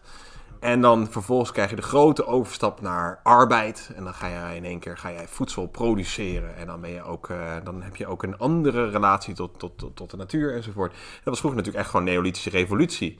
Waarin toch wel een beetje werd gedaan alsof dat de revolutie was. Terwijl er eigenlijk heel veel aanwijzingen zijn dat het revolutionaire karakter daarvan zeer uh, de vraag is. Zijn bijvoorbeeld bepaalde volkeren niet ook weer teruggegaan naar? Of juist is het niet heel lang een dubbelspel geweest, waarin uh, je bijvoorbeeld wel een veldje had, maar dan ook nog uh, ging jagen. Dat is natuurlijk tot op het heden. Ik heb nog steeds best wel dingen verzamelen. En Nederlanders zijn er toevallig niet zo goed in. Maar Ja, maar het is Vrijwel kort wel. Want alle als je andere mensen, uh, paddenstoelen en bessen. in Indonesië bij de wel. Sawas gaat kijken, daar zijn ze ook eh, insecten aan het vangen of visjes aan het vangen en die aan het opeten. En, en eh, het is, het is, het is inderdaad nooit eh 100%. En dat zegt hij op zich ook wel zelf hoor. Hij, zegt, hij is eh, zelf ook daar wel eh, nu- genuanceerd genoeg in, denk ik. Dat hij ook zelf al aangeeft van, het is ook heel moeilijk om die grens te trekken. Het is ook heel moeilijk om te zeggen. En je moet ook altijd inderdaad de opkomst van die landbouw begrijpen, niet als een soort van, altijd in confrontatie met die jager-verzamelaar. eh, van, Ja. ja. Maar er zijn natuurlijk ook heel veel uitzonderingen die hij ook wel noemt. Je hebt sedentaire jager-verzamelaars gehad. Je hebt bepaalde gebieden die zo rijk zijn dat, dat er überhaupt nooit de vraag komt om... eh, Maar de retoriek die we van hem moeten aannemen, Ja. het, het heeft te maken met het, het genereren van grote overschotten. ja, Zodat dat jouw volkje, eh, die heeft net eh, eh, 2,3 eh, kinderen per eh, gezin en de buren hebben er maar 2,1. En als je dat spel maar lang genoeg speelt, dan, dan is het fate van jouw society ja. eh, pakt beter uit dan, dan die domme buren die eh, geen melk drinken of zo. om maar vol te noemen. Ja. Ja. Of inderdaad gewoon niet die voedselstapels hebben. Ja.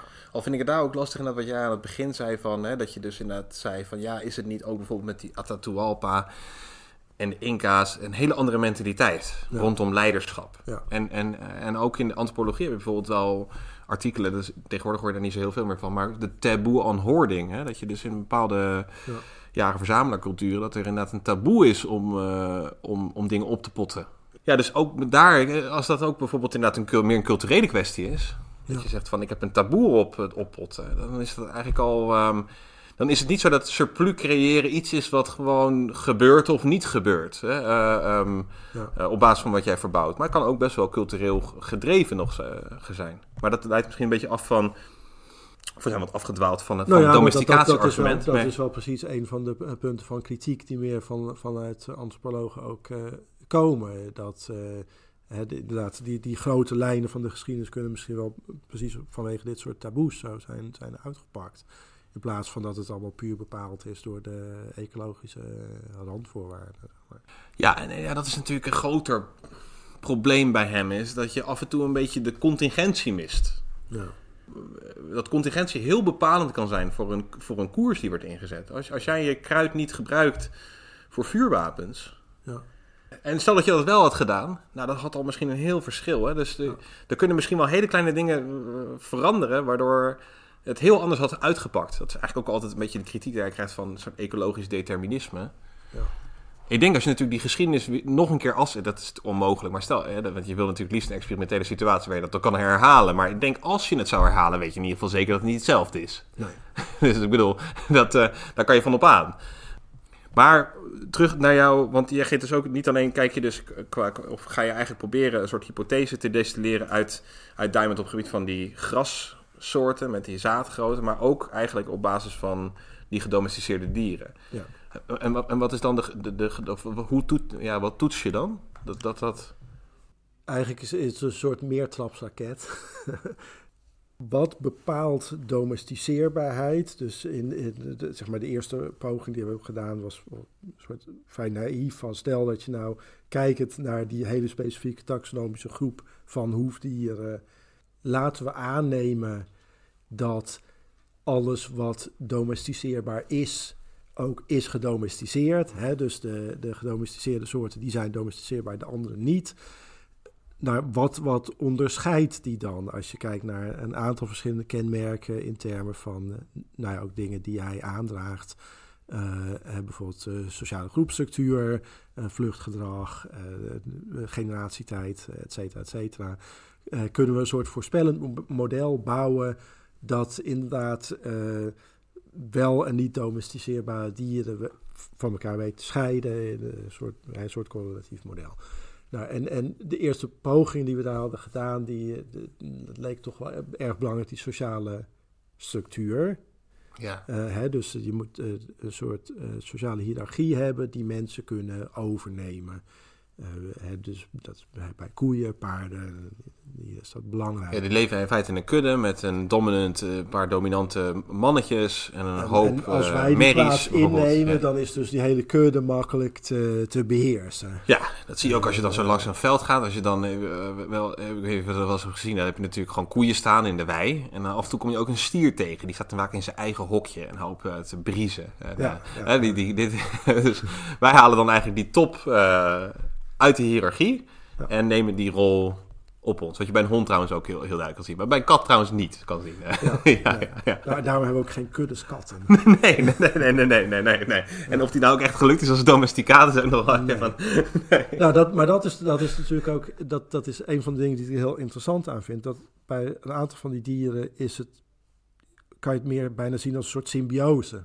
Hè? Dus uh, voor katten is het gewoon heel nuttig om achter ons aan uh, te hobbelen. In eerste instantie omdat wij die graan uh, overschot begonnen op te slaan. Precies. Er kwamen muizen op af. Dus nou, voor katten is dat interessant, want die eten graag muizen. Ja. Uh, dus in zekere zin is het misschien wel zo dat katten helemaal niet zo heel erg gedomesticeerd zijn, maar een soort cultuurvolgers zijn geworden die wij toevallig leuk vinden. Terwijl we dat bij ratten wat minder hebben. Ja, terwijl die wel ook een hele duidelijke uh, functie uh, hebben gehad, namelijk dat, dat, dat voedseloverschot veiligstellen. Ja, ja, ja, dus die waren toevallig nuttig binnen die hele piramide en uh, allerlei andere soorten die ons ook volgen niet. Dus die vinden we niet zo leuk. ja, ja, ja, ja, Dat is dan ongedierte. Um, maar dan is het eigenlijk de volgende vraag. Maar dan onder welke ecologische omstandigheden evolueert bijvoorbeeld die sociale structuur? Dat is een aanpassing aan iets. Is dat dan predatiedruk of is dat een soort uh, open landschappen waar je een beetje moet rondtrekken versus meer hè, bebost? Of, dus uh-huh. dat, dat is eigenlijk dan de vraag van ja, onder, onder welke omstandigheden uh, evalueren dan die eigenschappen en kunnen we dat vergelijkenderwijs uh, uit de data trekken om wat beter te begrijpen wat dan de, de essentiële kenmerken, hè, de Anna Karenina kenmerken zijn. Ja. Uh, waarom zijn die er eigenlijk? Want dat, wat me vooral bij tweede lezing zo opviel, is dat hij wel heel mooi uitlegt, nou er zijn een aantal kenmerken, die zijn heel belangrijk.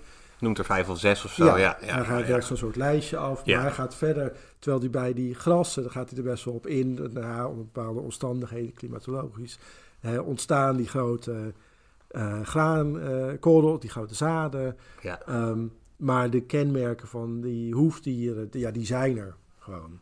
En, en hij noemt eigenlijk niet zo onder welke omstandigheden dat dan ontstaat. Ja. En ja. terwijl dat natuurlijk wel een interessante vraag is. Ja, zeker. Zeker. Want vooral omdat het dus inderdaad bijna een soort. Uh, ja, je überhaupt de mogelijkheid geeft tot, tot die domesticatie. Dat is inderdaad, als dat inderdaad. Uh, als dat eigenschappen zijn die. Ja, dan is het natuurlijk zeker een interessante vraag. Van, okay, hoe kunnen die eigenschappen dan eigenlijk opkomen? Ja. Um, ook om uit te leggen uiteindelijk inderdaad van. Dan hoeft er dus inderdaad maar een mens langs te komen. Nou ja, en, en dan zou zich mogelijk kunnen voordoen dat, dat hij dus. Uh, dat hij op een slinkse wijze dat. Ja, dat, die, die hiërarchie overneemt bijvoorbeeld. Ja. En dat is misschien ook meteen een mooie brug naar, uh, naar eigenlijk een volgend uh, groot onderwerp. Is dat uh, een consequentie van die domesticering van dieren en in de nabijheid leven van dieren ook een hele nou ja, schaduwzijde aan zich heeft. Buiten dat je misschien melk en kaas en en vlees hebt. En je hebt een soort lastdier, wat je deed het. En je hebt ook zelfs een, hij noemt ook, dit het een paard, een militaire tank. Ja. natuurlijk ook wel, dat is waar. Ik bedoel, ja. is niet, die hebben ook een grote rol gespeeld in, in, in de militaire ontwikkeling. Maar er is ook een hele, uh, ja, dat is echt een schaduwzijde aan het samenleven met grote dieren, namelijk ja. zoonoze ziektekiemen. Ja. Ja, ja. Uh, allerlei zoogdieren hebben natuurlijk hun eigen circulerende uh, virusjes. En als wij daar te, te, dicht bovenop gaan zitten, dan springt er wel eens iets over. En, ja. en vaak is het dan ook nog zo, lijkt het, dat dat overspringen nog makkelijker gaat als je met een aantal verschillende soorten op elkaars lip zit. Zodat het de, de aanpassing aan de ene gastheer misschien iets minder specifiek wordt en het ietsje makkelijker wordt om over te springen. He, bijvoorbeeld nou, bij dat ding waar we nu mee te maken hebben, hè, dat was een, een coronavirus dat circuleert in die vleermuizen. Maar als je dan puur naar het genoom kijkt en naar bepaalde aanpassingen in, in dat virus, dan lijkt het ook weer eerst door een ander soort heen zijn te gaan. Misschien die, dat schubdier, of misschien iets anders. Die pangolin, ja. ja en, en vervolgens overgesprongen op, op ons. En uh, eigenlijk is het argument dat uh, Jared Diamond dan maakt uh, dat ons samenleven met een heel aantal zoogdieren een aantal keren heeft geleid tot pandemieën. Ja. Die natuurlijk flink hebben huisgehouden in menselijke populaties en daar grote selectiedruk ook op hebben uitgeoefend. En dan zijn zeg maar de, de, de samenlevingen die een, een, een gunstig eh, lot hebben. Hè, de, de, de Eurasiatische samenlevingen hebben gewoon een aantal keer die, die grote golven van selectie meegemaakt en daardoor hoge immuniteit opgebouwd. Ja. En toen op het moment dat de nieuwe wereld werd zeg maar ontdekt, kwamen natuurlijk die pathogenen mee. En de mensen die daar woonden waren daar veel minder resistent tegen. tegen resistent tegen. En dat was gelijk een enorm probleem voor ze. Misschien wel een veel groter probleem dan de zwaarden en de, de guns. Ja. ja, dat lijkt inderdaad... Ja, dat eigenlijk dat een hele belangrijke formerende rol speelt. En, en is ook wel op zich aardig dat hij dan probeert ook een beetje vanuit het perspectief van die ziektekiemen te kijken. Die natuurlijk ook, ook ja, nou ja, levensvormen zijn. Die even, even goed door een evolutionair proces uh, uh, doormaken. En ook op hun eigen manieren zich verspreiden en zo. Ik vind dat op zich ook wel aardig. Tegenwoordig is dat misschien ook wat meer gesneden koek en zo. Dat is inderdaad uh, manieren waarop jouw immuunsysteem reageert. Juist ook weer een verspreider is. Dus wij zien hoesten en kuchen als een symptoom van, van een ziekte. Maar voor, die, voor zo'n virus is dat natuurlijk een manier om zich te verspreiden door de, door de wereld. Ja. Um, dat het afhankelijk is van die groepsgrootte. Dus, dus het is ook nog zo een keer dat... Ja, met die landbouw krijg je dan mogelijk dat voedselsurplus. Dus dan krijg je een enorme bevolkingsexplosie. Je, kan meer, eh, je hebt meer calorieën. Maar ook omdat je op één plek blijft, kan je ook, heb je veel snellere generaties. Dus je kan meer kinderen krijgen dan jager-verzamelaars, die toch vaak nomadischer zijn en kinderen moeten meenemen en niet dat surplus hebben. Dus je krijgt grote opeenhopingen van mensen. Nou, die leven natuurlijk heerlijk in de nabijheid inderdaad van allerlei staldieren. Uh, ja, en dan uh, kan het inderdaad zo zijn. En dat is natuurlijk altijd ook wel een soort inzicht wat je op een gegeven moment een keer opdoet. Hè, dat eigenlijk elke levensvorm heeft last van ziektes. er is geen, uh, of nou planten of dieren zijn. Dat is wel opmerkelijk inderdaad. Bij planten kan dat echt niet. Oh, het is niet zo dat dan je eikenboom ergens last van heeft. En dan, of een iep heeft de iepenziekte. En dat het dan een mens langs loopt en dat hij dan ook een iepenziekte krijgt. Dat nee, is dat... je, moet, je moet vrij dicht uh, in de buurt zitten. Het moeten dieren zijn die uh, evolutionair gezien niet ontzettend, of taxonomisch gezien eigenlijk niet ontzettend ver van jou afstaan, toch? Ja. Of, of van die organismen zijn die daar niet heel ver van afstaan. Al vind ik dat bij zo'n pangolin of zo, dat is nog. Ja, dat is natuurlijk wel een, een, een, een, een zoogdier verder gewoon. En zo'n vleermuis ook. Maar ja. Ja, maar daar is de afstand tussen daarbij bij, niet groot genoeg dat inderdaad zo'n ziektekiem zou kunnen overspringen op een andere gastheer. Ja, nou, hebben toevallig bij, bij COVID, uh, nou, er zijn specifieke receptoren in onze longcellen. En dat, nou, dat past mooi als een soort sleutel in een slot. En daar komen ze binnen. En uh, ja, de IEP die heeft geen longcellen met de, de ACE2-receptor. Dus, dus die zal geen last van hebben van COVID. Uh. Ik zie wel een soort van science fiction roman daarin. Dat je dus inderdaad ergens wel een plantenvirus kan hebben die inhaakt op iets wat jij gemeenschappelijk hebt met die plant. Uh, waardoor je wel. Uh... Nou ja, dat, ja, ja, kijk, want dat schubdier zit ook al een eindje van ons vandaan. Maar kennelijk is er toch iets nog voldoende geconserveerd dat die, dat die sprong mogelijk is. Nou, wie weet hebben we nog in de toekomst een keer pech. Ja. en en uh, is, komt van nog verder, taxonomisch nog verder van ons vandaan. Ja, en je hebt natuurlijk ook, in, hij noemt ook aids als, als, als, voorbeeld, dat het dan meer met, met, uh, met aapachtige en, en, en ziekte zich daar uh, mogelijk heeft voorgedaan. Ja, en je ziet dus eigenlijk die nabijheid met die, met die veedieren, die zorgt ervoor dat je inderdaad die, die, dat het mogelijk inderdaad dat, dat, kan overspringen. Dat is in eerste instantie iets dat vrij desastreus. Ja.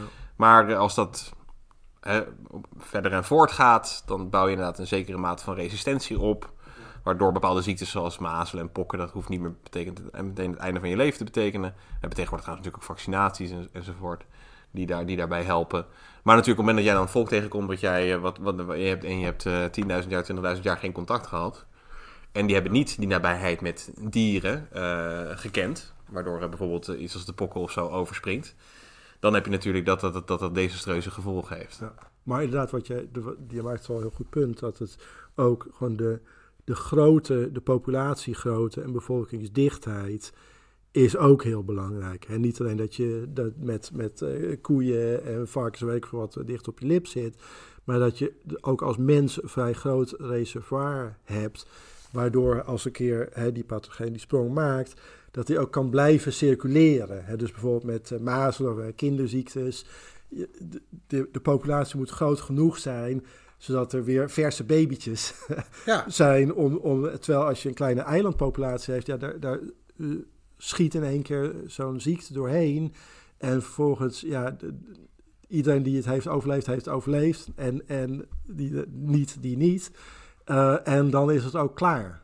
Ja, dat noemt hij volgens mij ook een keer. Met ja, de, van, van, van, van, van, ja, van Reureilanden, of in ieder geval, hij noemt dan eilanden inderdaad waar, ja, waar het dan een keer uitbreekt. Maar dan ja. is eigenlijk de populatie, volgens mij heb je inderdaad ja, weet ik 200.000 of je hebt 2 miljoen of wat ook, of wat, ja. wat te groot, maakt natuurlijk niet zoveel uit. Maar je hebt in ieder geval een bepaalde soort uh, basispool nodig van een zekere hoeveelheid mensen om überhaupt te kunnen blijven rondcirculeren. En dan wordt dat te klein. Dat veen moet groot genoeg zijn voor die veenbrand. En, en dan blijven wij geselecteerd worden op uh, resistentie.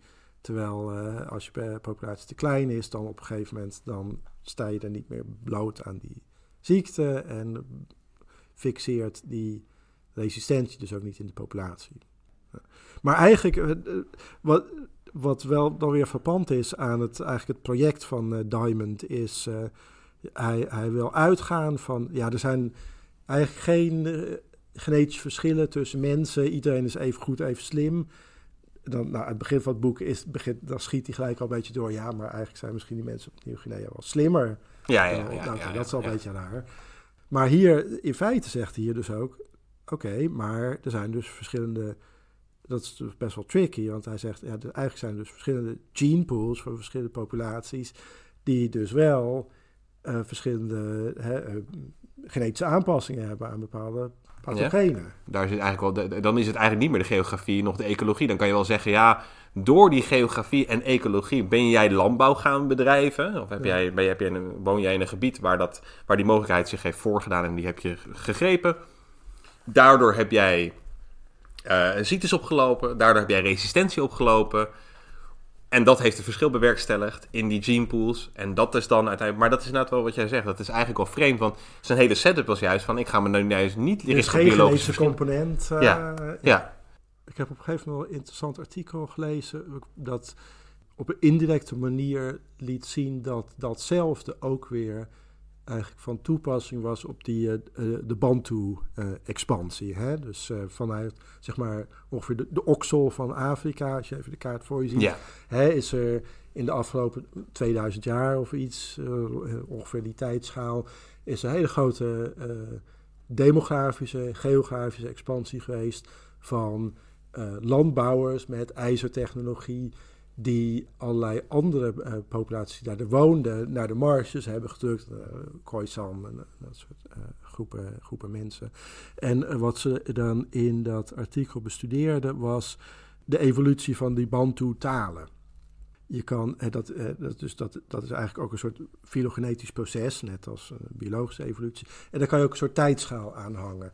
En wat, ze, wat heel interessant was, dat ze daaraan konden laten zien dat hè, door zeg maar, de, tijdsas van die taalevolutie, dat um, die Bantu-expansie ontzettend vertraagd is bij het trekken door het uh, Congo-bassin. Want, hoe kan dat nou? Nou ja, omdat uh, eigenlijk die, die veedrijvende uh, Bantu-populaties die konden daar niet doorheen trekken, want daar was de, de tsetse-vlieg en de slaapziekte. En ja, met je koeien kom je daar niet doorheen. Dus dat had een ontzettend vertragend effect op de expansie door zeg maar de, uh, de westkant van, uh, van Afrika. Dus dat zijn, die expansie is meer eerst naar het oosten gegaan en toen naar het zuiden. Eigenlijk om uh, meer... om dat Congo-bassin eigenlijk heen, heen. Ja, ja, ja, ja. Dus ja, het is eigenlijk hetzelfde. De pathogenen, die, die expansie natuurlijk ontzettend uh, ja. kunnen werken. Ja. ja, en ik denk ook wel dat hij, bedoel, hij heeft daar volgens mij gewoon een heel goed punt te pakken. En overigens ook niet een punt per se wat, wat, wat, uh, wat door hem uh, is bedacht of iets dergelijks. Dus, maar hij heeft daar natuurlijk wel een, een, een, enorm belangrijke vormende kracht. Dat is voor mensen ook altijd zo'n soort leuk pubquiz feitje van dat de, de, de, de, de steekvlieg, die heeft, of de steekmug, die heeft heeft veel meer doden veroorzaakt dan ja, welke topcarnivore uh, dan ook en uh, welke oorlog dan ook. Dat, dat, dat, de enorm, dat een enorme selectiedruk is geweest vanwege inderdaad, of oh, ja, op basis van de ziektes die zich via zo'n zo'n mug ver, verspreiden. Ja, dat is het, het soort feitje wat, wat nu, we nu ineens wel weer een beetje kunnen geloven. Ja. Uh, ja, al is dat natuurlijk wel weer een klein beetje. Ik zat ook al net te denken. Het is nu weer een klein beetje onder druk natuurlijk. Nu toch de, de, de laboratoriumhypothese. Uh, nou ja, iets, uh, iets aan populariteit weer ja, wint. Ja, ja, dan is misschien mogen toch niet die wet market waar, waar het vandaan komt. Dat maakt het natuurlijk alweer een. ja, dat maakt het natuurlijk alweer een beetje, een beetje spannend, die discussie. Ja, maar dat is natuurlijk dan in de indirecte zin wel weer te verklaren. Want het is natuurlijk. je moet eerst een hoog gestratificeerde samenleving via je Guns and Germs stil hebben weten te ontwikkelen voordat je zo'n soort uh, virologisch lab kan inrichten. Ja, ja, ja, ja. ja, ja, dus in indirecte zin komt het nog steeds. Ja, ja. Wat natuurlijk eigenlijk het belangrijkste punt van kritiek eigenlijk op dit boek ook is. Eh, in principe kan die alles wel op de een of andere manier verklaren. En bij, bij tweede lezing is dat misschien wel mijn grootste bezwaar er tegen. Dat hij alles ja, het is, het, er zit zo weinig data aan veel dingen. Ja, ah, en wat je ook zegt, dat, dat valt me dus ook op. Dat jij gaat dus nu dan proberen te kijken of daar bijvoorbeeld een testbare hypothese in zit. Terwijl natuurlijk eigenlijk is dat, zou, je dat, zou je dat eigenlijk verwachten op voorhand. Dat je op voorhand de, de, de hypotheses test en de resultaten en dan het narratief optuigt. Ja. Nu is eigenlijk, dit is een beetje after the fact. Of uh, ja, after the narrative. Hè? Dat, um, maar dat is natuurlijk ook het. Dat is sowieso natuurlijk ergens het gevaar. Is, kijk, daarom vind ik ook op zich. Dat, kijk, dat als je dat natuurlijk experiment heeft met Polynesië. dan zie je eigenlijk hem op zijn sterkst. Want dan zie je inderdaad dat hij eigenlijk met, in, een, in een hoofdstuk of wat. kan hij heel goed aanwijzen. hey, die omgevingsfactoren. Ecologie, milieu, uh, uh, geologie. Kijk eens hoe formerend die zijn. voor welke mogelijkheden eigenlijk een, een eiland bieden. of voor een, voor een beschaving om uh, op, te, op te bloeien. Ja. En, wel, en, welke, en welke wegen jij ingaat. Eigenlijk een soort constraints voor jou uh, culturele evolutie. Ja. Nou, en, en, dat, ja, dat, is, dat zijn natuurlijk voorbeelden die ontzettend lekker liggen. Of zeg maar, ja. manier van benaderen van de werkelijkheid. dat ontzettend lekker ligt bij evolutiebiologen.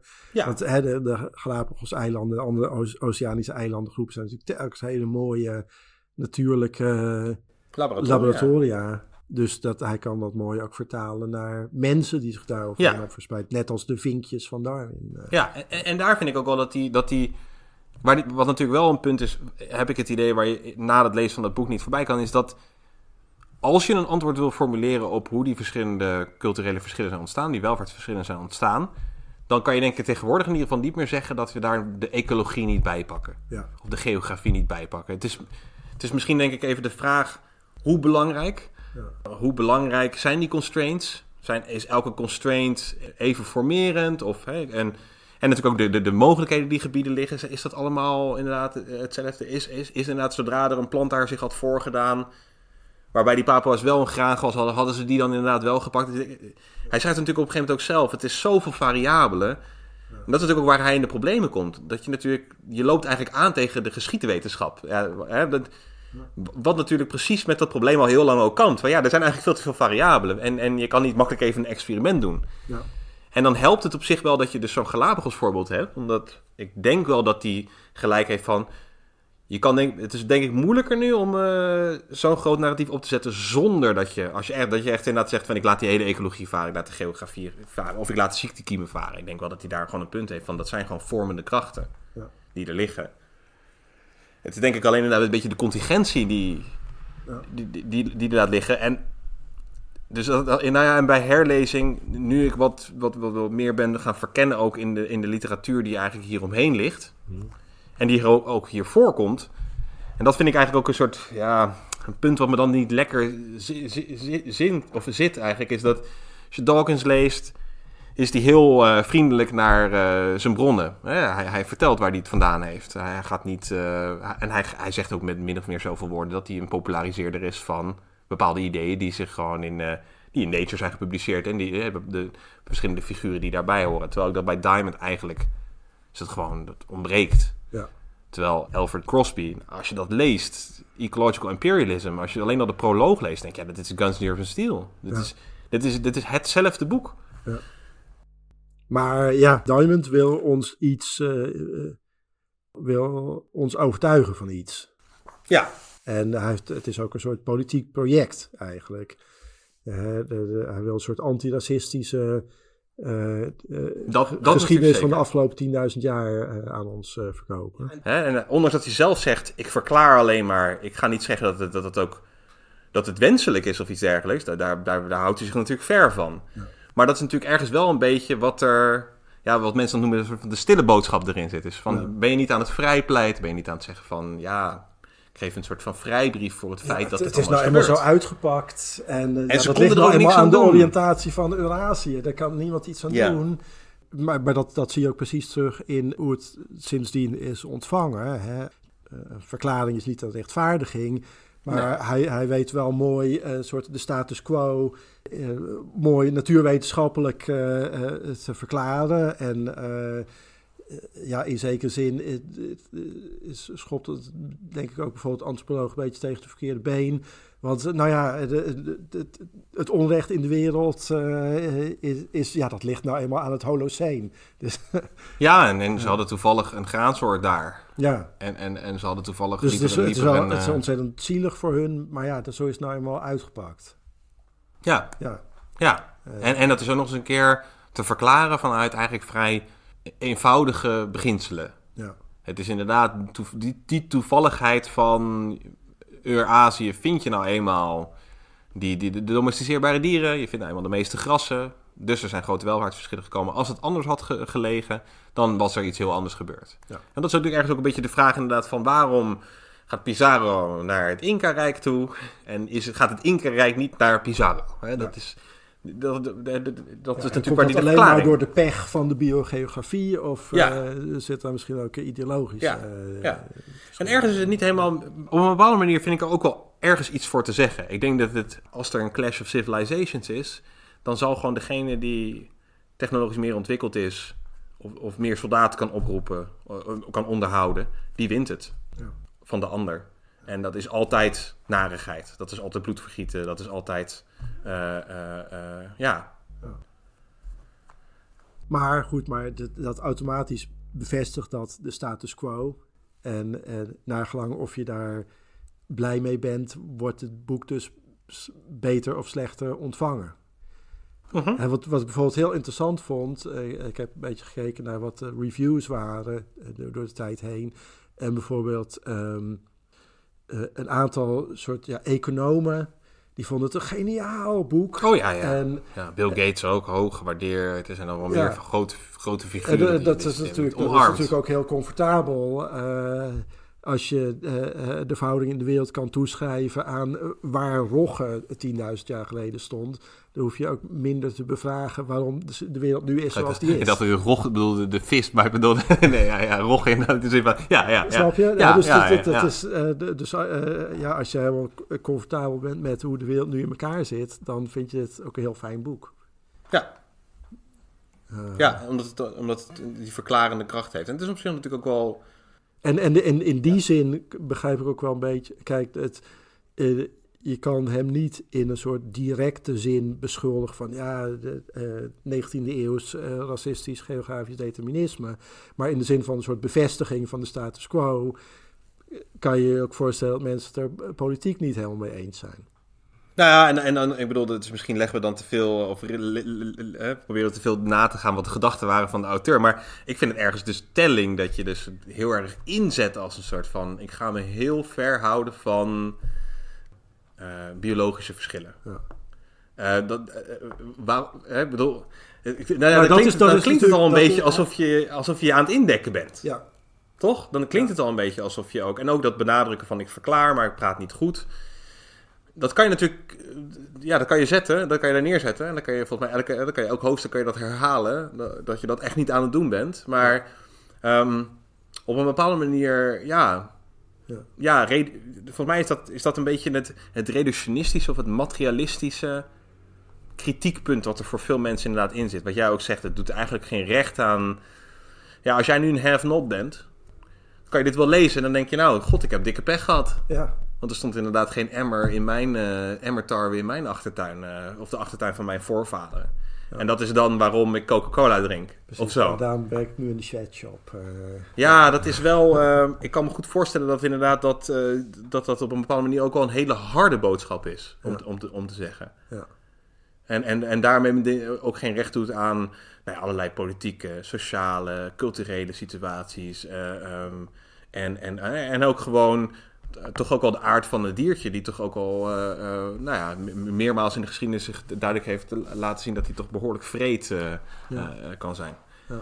Ja, maar hij wordt ook wel van twee kanten beschoten, zeg maar. Want Ja. is, goed, er is deze kritiek. Ja. Maar er is Ja. sinds publicatie van dit boek heeft ook het hele eh sequencen van mensen, een eh, DNA-sequence van mensen, een eh, veel hogere vlucht genomen. En er zijn ook, eh, hè, er is ook een bepaald eh, type eh, jongens die ontzettend gefascineerd zijn door de grote genomische datasets. Die denken van, nou, misschien er ligt toch wel bepaalde biologische basis aan verschillen die, verschillende trajecten die de geschiedenis hebben afgelegd. En ja, als je een beetje graaft in de bruine krochten van, van het internet, Zeker. dan kom je allemaal mensen tegen die het om die reden niet eens zijn met dit boek. Ze vinden, hè, aan de ene kant zijn er mensen Oh ja, dat zie je ook. die, ja, die het boek ja. eh, te racistisch zijn. En aan de ook andere kant Amazon zijn, hoor. zijn, er, zijn er mensen die het boek niet racistisch genoeg vinden, zou ik maar zeggen. Oh, er zijn heel veel mensen die zeggen: dit is meteen politiek correct. Ja, dit is een soort marxistisch eh, boek, vinden En, en, en, en ja, er, er zit natuurlijk ook wel een klein beetje dat, beetje, eh, nou ja, ik wil het niet lamarkistisch noemen, maar ja, dat, dat, ik bedoel, er zit er misschien toch ook al een klein beetje aan, hè, uit, uit de omgeving. Niet dat de omgeving... Nou, en hij, van- hij, hij ja, kan er ja. dus ook niet goed mee overweg eigenlijk. Want Nee. de hele immuniteit... Nee, want inderdaad, de- de- wat jij zegt, hè, dus de, de, de resistentie die eigenlijk bijvoorbeeld is opgebouwd ten ten opzichte van malaria, ehm, ehm, eh, dat is gewoon een, eh, dat is aanwijsbaar. Dat bepaalde bevolkingsgroepen daar last van hebben en anderen niet. Of al- lactose-intolerantie. Ja. Ehm, of, eh, nou ja, eh, eh, wat is dat ook weer? Alcohol. Ja, het is ook nog de alcohol. dehydrogenase. Ja, ja, ja, ja, ja. ja dus, Nou ja, en- ook in de iets in de indirectere zin. Kijk, als hij, hij neemt aan... Nou, alle mensen die zullen uiteindelijk gewoon de, de best mogelijke methodieken overnemen uit hun omgeving. Mhm. Hè? Dus dat is eigenlijk een van de onderliggende aannames van nou, je gebruikt de, de ecologie in optimale vorm, waardoor je dus eigenlijk zou verwachten dat al die technologieën eigenlijk via ehm, diffusion zeg maar zich verspreiden. Gewoon, nou, Mhm. Er komt iets slims, nieuws langs, dus dat ga ik ook doen. Ja. Ik ben immers, hè, ik ben net zo slim als de rest, dus ik ga het gewoon doen.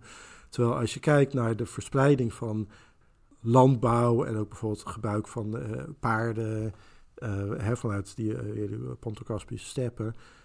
Daar is in, in, in de afgelopen nou, 24 jaar, ook door Ancient DNA en populatiegenetica, best wel ehm, duidelijker geworden dat het meestal wel eh, people en niet pottery is, zeg maar. Hè? Dus dat inderdaad hele, hele populaties met hun technologische packages zich hebben Ja, verspreid. dat is het in de Europese verhaal wat eigenlijk bij hem nog een beetje op de oude tour is. Van Ja. eh, die, die, die boer die doet elke keer, heeft hij een bunder grond, doet hij erbij. En zo migreert hij langzaam eh, nou ja, jouw kant op. Hè, dit, op een gegeven moment komen dan de, lineair band keramische boeren komen hier of wat ook. En dan komen dan later komen dan, die hebben nog geen lastdieren. Nou, dan later komen, komen er groepen die, dan, die dat wel hebben. En die zijn eigenlijk zich langzaam aan het verspreiden.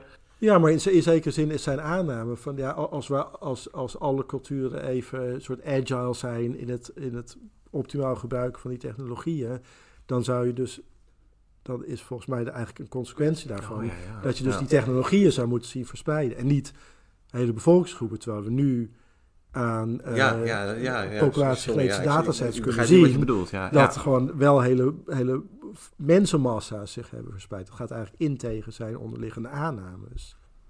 Ja, en is dat niet ook misschien niet, is dat niet precies mm, ergens misschien ook wel zijn, zijn, zijn verlichtingsblik Ja. en zijn pragmatische blik? Dat hij ook denkt van Iedereen Ja, heeft nou gewoon ja, over eh, wat slim is. Eh, de zegt zou, waar is, het zou zou technologie zijn, het, Ja. zou het dan overgenomen zijn. Terwijl je eigenlijk ziet, er zijn hele volksverhuizingen ja.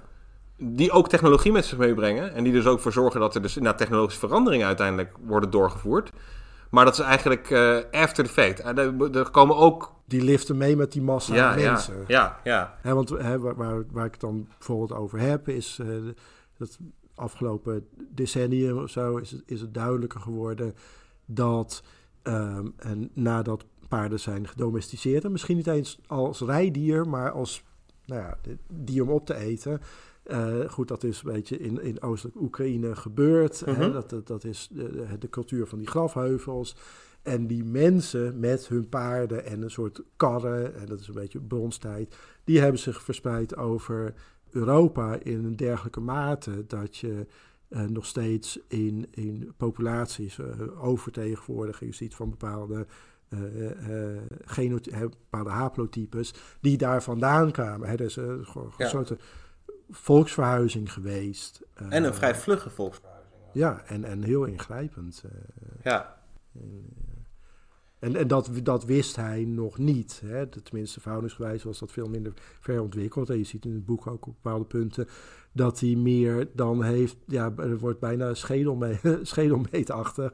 Van eh, ja, bepaalde groepen die moeten zich wel zo verspreid hebben, want hun, hun haar is gekruld of juist eh glad. Oh ja, Eh, ja, ja, ja. eh, Dat die, dat Ja, ik die genetica was veel denken- minder ver ontwikkeld. Ik zit ook wel een beetje te denken op wat jij zegt net over die technologie. Je kiest dan elke keer, zodra een innovatie zich voordoet, die ook maar een klein verschil teweeg brengt, omarm je die meteen. Terwijl Ja. Het idee van inno- innoveren, ik heb ook wel eens gehoord dat je bijvoorbeeld in, dat in de 18e eeuw daar nog eigenlijk een beetje gek over werd gedaan. Dat het eigenlijk juist innovatie was ook een beetje een negatieve term. Je deed iets wat een soort proof of concept al was. Je, je, je, je, hield je vast aan je tradities, je hield je vast aan jou- jouw manier van het maken van aardewerk of iets dergelijks. Of aan jouw productieproces. Wat eenmaal, wat was ook weer de Amerikaanse uitdrukking van eh, if it doesn't break, don't change it. Of nee, iets anders is het. Het is een soort van, don't fix it. If it ain't broke, don't fix it. Precies. Hè? Dus ook die gedachte om maar continu te innoveren. Niet dat er natuurlijk geen innovatie hebben voorgedaan, maar überhaupt dat je zo geprimed bent al op, op het, de hele tijd innovaties. En de hele tijd on- innovatie omarmen lijkt eigenlijk een veel moderner mm, product te zijn.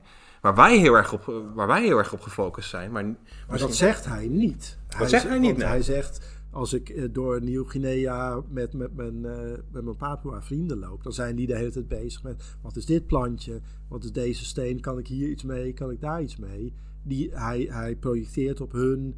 en ik weet helemaal niet of dat, of, dat daadwerkelijk zo is of niet... maar hij pro- projecteert op hun... nou, ze zijn aan het innoveren de hele tijd. Ja, ja ze En zoeken, de, ze zoeken de hele tijd nodig de voor- mo- ja. mogelijkheden. En natuurlijk is het wel zo dat ze natuurlijk dat je dat ze voor een heel groot deel de cargo inderdaad uit het westen zeker overnemen. En, dat, en je ziet natuurlijk ook inderdaad dat bijvoorbeeld paarden worden overgenomen in de jacht eh, door, door de natives in Amerika. Dus het is ook weer niet zo inderdaad dat al- alsof. Maar je ziet natuurlijk wel dat er een soort van balans is tussen conservatiever zijn in jouw eh, technologieën en jouw, jouw, jouw, jouw, jouw manier van leven. En, en, en wat innovatiever. En dat het ook niet altijd zo hoeft te zijn dat je al. Hij lijkt eigenlijk heel erg te claimen van je zit eigenlijk altijd in die. eh, Elke, elk mens is een innov- innovator, want zodra hij een- iets ziet wat net iets handiger is, dan neemt hij dat ook, met, dan neemt hij dat ook meteen Ja. tot zich. Er zijn nog- nog veel meer problemen aan te halen. Ik, ik las ook een commentaar bijvoorbeeld van. Hij heeft dan natuurlijk dat grote met die Atahualpa en, en Pizarro, de, conf- de confrontatie daartussen. En toen zei iemand van. Ja, maar er zijn nog steeds nakomelingen van Inca's. Die zijn niet, die zijn niet weg of zo. Het is ook af en toe al bij hem sterk het idee van dat dan als na de Clash of Civilizations is het ook gedaan met de civilisatie. Kijk, het is natuurlijk zo dat er enorme decimering van de bevolking heeft plaatsgevonden. Maar tegelijkertijd, ja, ze zijn er nog steeds. Het is niet een. Het is niet. eh, ehm, er wordt nog steeds eigenlijk om die, om, om die hegemonie ook eh, op een bepaalde manier gestreden. De- eh, dus die Inca's... Ja, want op bepaalde, op bepaalde punten is hij ook best wel ouderwets. In die zin dat hij de niet-westerse mensen die hij presenteert in zijn boek. Hij geeft ze ten eerste niet helemaal accuraat weer. Bijvoorbeeld die Jali, dat was trouwens ehm, heel lang ook de leider van de grootste cargo cult op, eh, op Nieuw-Guinea. En die heeft een tijdje in de gevangenis gezeten. Die heeft een tijdje in het Australische leger gezeten. En allerlei dingen meegemaakt. Hij was helemaal niet iemand die daar toevallig op het strand liep te wieberen. En te mijmeren. Ja, en te mijmen van hoe komt het Ja, tot ja, ja, ja, ja, nou, ja. dat is Maar dat is ook een beetje een concessie die je doet om zo'n narratief volgens mij op te zetten. Maar, maar Ja, goed, ja, maar hij. Hij, hij stelt die mensen voor als een soort types. Ja. Ja, dus in het boek, het is trouwens misschien interessant om te benoemen, in het boek staan ook foto's van, van types. Nou, dit is een typische hoogland Papua. Oh, en, dat, ja. en, ja, dat is een soort manier van vertellen over menstypes. eh, ja, een beetje ouderwets eigenlijk. Een beetje... mm, Ja, dat vind je meer beetje, in... Ik eh, vind dat een beetje, ja, de mensen die ontzettend geïnteresseerd zijn in, in karakteristieke, karakteristieke mensen. oh, dat zie je in de 18e eeuw. Is het- Ja, Leni Riefenstahl vond het ook schitterend om dat te doen. Hè? Oh ja, Later oh in ja, de ja, ja, carrière ja. heeft ze dat eindeloos gedaan. Ja, maar je ziet het ook eh, vroeger als men ergens heen ging. Tenminste, ik, het, het is, eh, als, als eh, Humboldt samen met Forster naar eh, Nederland toe komt, dan gaan ze ook al die volkstypes. Ja, ja. dan zitten ze dan een hele dag op de dam te kijken naar, god, wat is eigenlijk het volkstype van die, van die Hollander? Ja, Eh, nou, dan zijn ze niet te spreken over de Brabanders, maar maar dat is nog wel- Amsterdammers waren dan wat beter. Maar we hadden toch niet de verfijning die ze aantroffen in Pruis, weet je wel? Dat is dan toch, dat is echt nog die ah, echt, eh, fysiognomie van de oude stempel. Hè? Je gaat ook de volks... ah, Je gaat niet alleen kijken naar de volksgebruiken enzovoort, maar je gaat ook de volksaard. Ga je ook eens even in de... Ja, ja, ja. En, En, en, heeft hij foto- grappig genoeg, heeft hij daar een klein beetje een handje van. Door dus inderdaad dit soort... eh ja, dit soort want er staat ook bijvoorbeeld een eh, foto van, ja, dit is een typische Tasmaanse vrouw. Zonder naam. Maar Ja. die vrouw op die foto was gewoon een bekende laatste Mohicaan van die Tasmanen. Met, met een naam en zij is ge- geïnterviewd en boeken over haar geschreven. Oh, zo bedoel is- je ook. Bijna als een soort... Ja, als, bijna als een type... eh, Dus, dus hij, een- hij, een jij noemt ook ja. dat hij dan niet goed zijn bronnen citeert en, en, en dat benoemt, maar ook gewoon die mensen die erin staan.